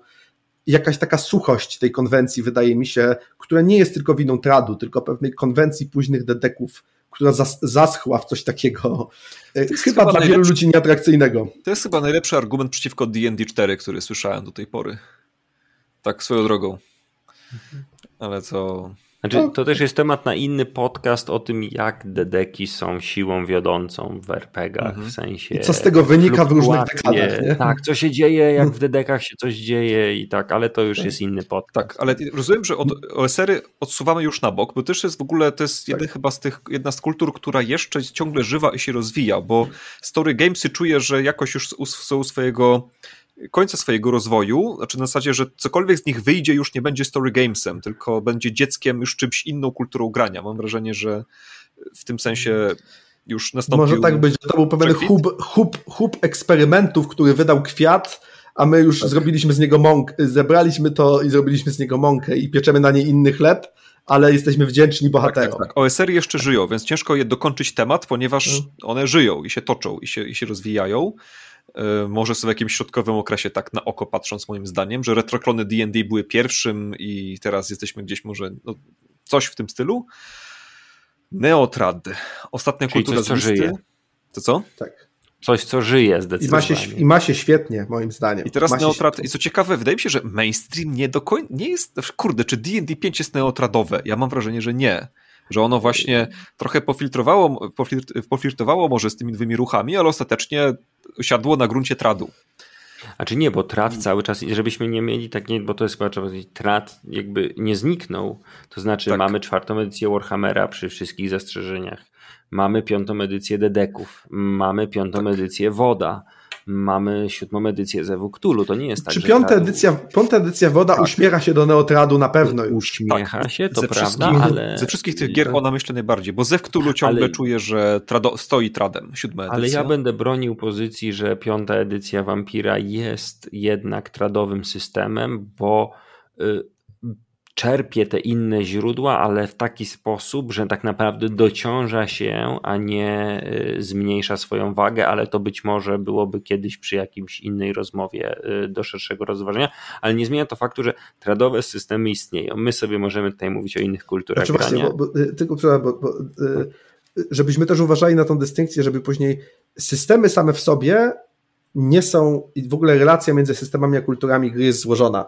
Systemy same w sobie nie są tradowe albo nietradowe. Może mhm. być tak, że pewne, że z jednej strony kultury tworzą systemy, a więc trad tworzył mnóstwo systemów do grania tradu, z drugiej strony czasem powstają systemy, które tworzą kultury, i, albo przebudowują kultury. Mhm. Z trzeciej strony jest dużo złożonej interakcji, czyli są na przykład systemy, które korzystają z różnych kultur. Są gdzieś na przecięciu. Tak jak właśnie ta konwencja nowych dedeków, którą opisałem jako mix tradu i power classica, moim zdaniem jest dalej obecna w piątej edycji D&D, to jest dalej ta sama konwencja, pomimo prób zmiany jej, wzięcia serowych autorów, moim zdaniem to jest dalej to, tylko rozmiękczone, przyfajnione, pokolorowane na pastelowe kolory troszkę, y, ale moim zdaniem trzecia, czwarta i piąta edycja dalej są w tej samej, w tym samym miksie kultu, który stworzyły nowe dedeki. I gdzie jest trad na tej całej palecie w takim razie? Znaczy, znaczy neotrat. neotrat. Gdzie jest neotrat? Tak właśnie, neotrat jest wszędzie tam, gdzie y, wnioski ze story gamesów, rozumianych szeroko, czyli to, że można dawać graczom różne sposoby, żeby ich postać wybrzmiewała w fikcji poprzez mechanikę lub zasady, nazwijmy to różne, E, została wzięta do, do, e, pod uwagę i wprowadzona do systemu. Tam, gdzie wprowadzono pewien rodzaj E, metabalansu między graczem a mistrzem gry, na przykład poprzez inny, rodzaj metawalut, przykład właśnie 2D20, gdzie mistrz gry dalej jest mistrzem gry prowadzącym historię, ale w mechanice może krzywdzić graczy tylko za specjalne punkty, yy, znaczy skrzywdzić. Wiecie, co, yy, jego kompetencje są ograniczone, tak negatywnie oddziaływać, są pewne ramy na to, to też jest wzięte ze Story Gamesów. Jednym słowem, najszersza definicja i taka, która mi się pierwsza nasuwa na otradu jest taka, że to są gry, które mają tradową obietnicę, zachowują tradową rolę mistrza gry i przede wszystkim chęć opowiedzenia historii, co je łączy i z tradem i ze story gamesami. I nie dziwota, bo jest właśnie wypadkową trochę tych dwóch styli, tylko tradu jednak trochę bardziej, story gamesów trochę mniej, ale jednak, e, ale, ale, ale zaprzęga do tej obietnicy e, różne mechanizmy które są czymś innym niż dyskrecjonalność mistrza gry i stawia przede wszystkim na obietnicę jednak wspólnego opowiedzenia historii, czyli wzięcia pod uwagę nie tylko, nie tylko podzielenia się kompetencjami, bo to jest ta część formalna, ale jest też część materialna, że opowieści na tych neotradowych sesjach mają być bardziej o bohaterach graczy, a mniej o książę kazał. To jest dość silny nacisk w neotradowych podręcznikach, które mówią zróbcie te sesje zero i tak dalej, dlatego lansi są tak neotradowi po prostu lansi to mają zinkorporowane u siebie, czyli sesje mają być o bohaterach. Mistrz dalej ma opowiedzieć historię wspólnie z graczami, ale powinien opowiedzieć historię zorientowaną na tych bohaterów, a oni zostają wyposażeni również przez mechanikę mhm. sposoby, żeby na, żeby na tą sesję wpływać. I dla ja, mnie, mhm. tylko dam, no, kończ, kończ. jest dla mnie z, z założycielem, bo dzisiaj Neotrat to Free League, to Modifius, ale grą, która przez wielkość jednego designera stworzyła moim zdaniem Neotrat, jest The One Ring pierwsza edycja, tam około 2012 roku. To jest gra, która powiedziała, chcemy, mistrz gry ma opowiadać tolkienowskie historie, y, ale mechanika A ma mu w tym pomagać, a nie być obojętna, B, gracze muszą dostać narzędzia do tego, żeby sobie stworzyć postacie, które w tym zagrają, C, potrzebujemy różnych sposobów w mechanice, żeby ten Tolkien wybrzmiewał i nie ma tego robić tylko mistrz gry ucząc się na pamięć pieśni Beren i Lutien, tylko gra ma mu w tym aktywnie pomagać poprzez swoją mechanikę i poprzez swoją strukturę, bo to odbycie te dwie rzeczy robi One Ring. Okay. W tym sensie to jest dla mnie trochę hmm. system y, y, kamień węgielny Neotradu. Tak. To słuchajcie, wy sięgnęliście pomoc moderatora, po, jedny, po mhm. jednym razie każdy, to teraz ja sięgnę po nią, żeby powiedzieć koniec. Neotrad jest dużym ciekawym tematem, możliwe, że znajdziemy na niego tutaj, będziemy kontynuować już w jakimś umówieniu stricte neotradu w jakiejś formie, bo o każdej kulturze można pewnie by jeszcze więcej powiedzieć. Jest już późno, temat zasługuje na, na swój czas, na, swój, na swoją uwagę, więc słuchaj, Hansie, oddaję Ci jeszcze tutaj czas na jakiś komentarz, jeśli chcesz się do tego odnieść, natomiast już no, nie eksplorujemy neotradu, zarządzam, że lądujemy. Znaczy, moim zdaniem to, co powiedział Mateusz, jakby w pełni wyczerpuje. Ja bym tylko dodał takie pytanie, zostawił do widzów.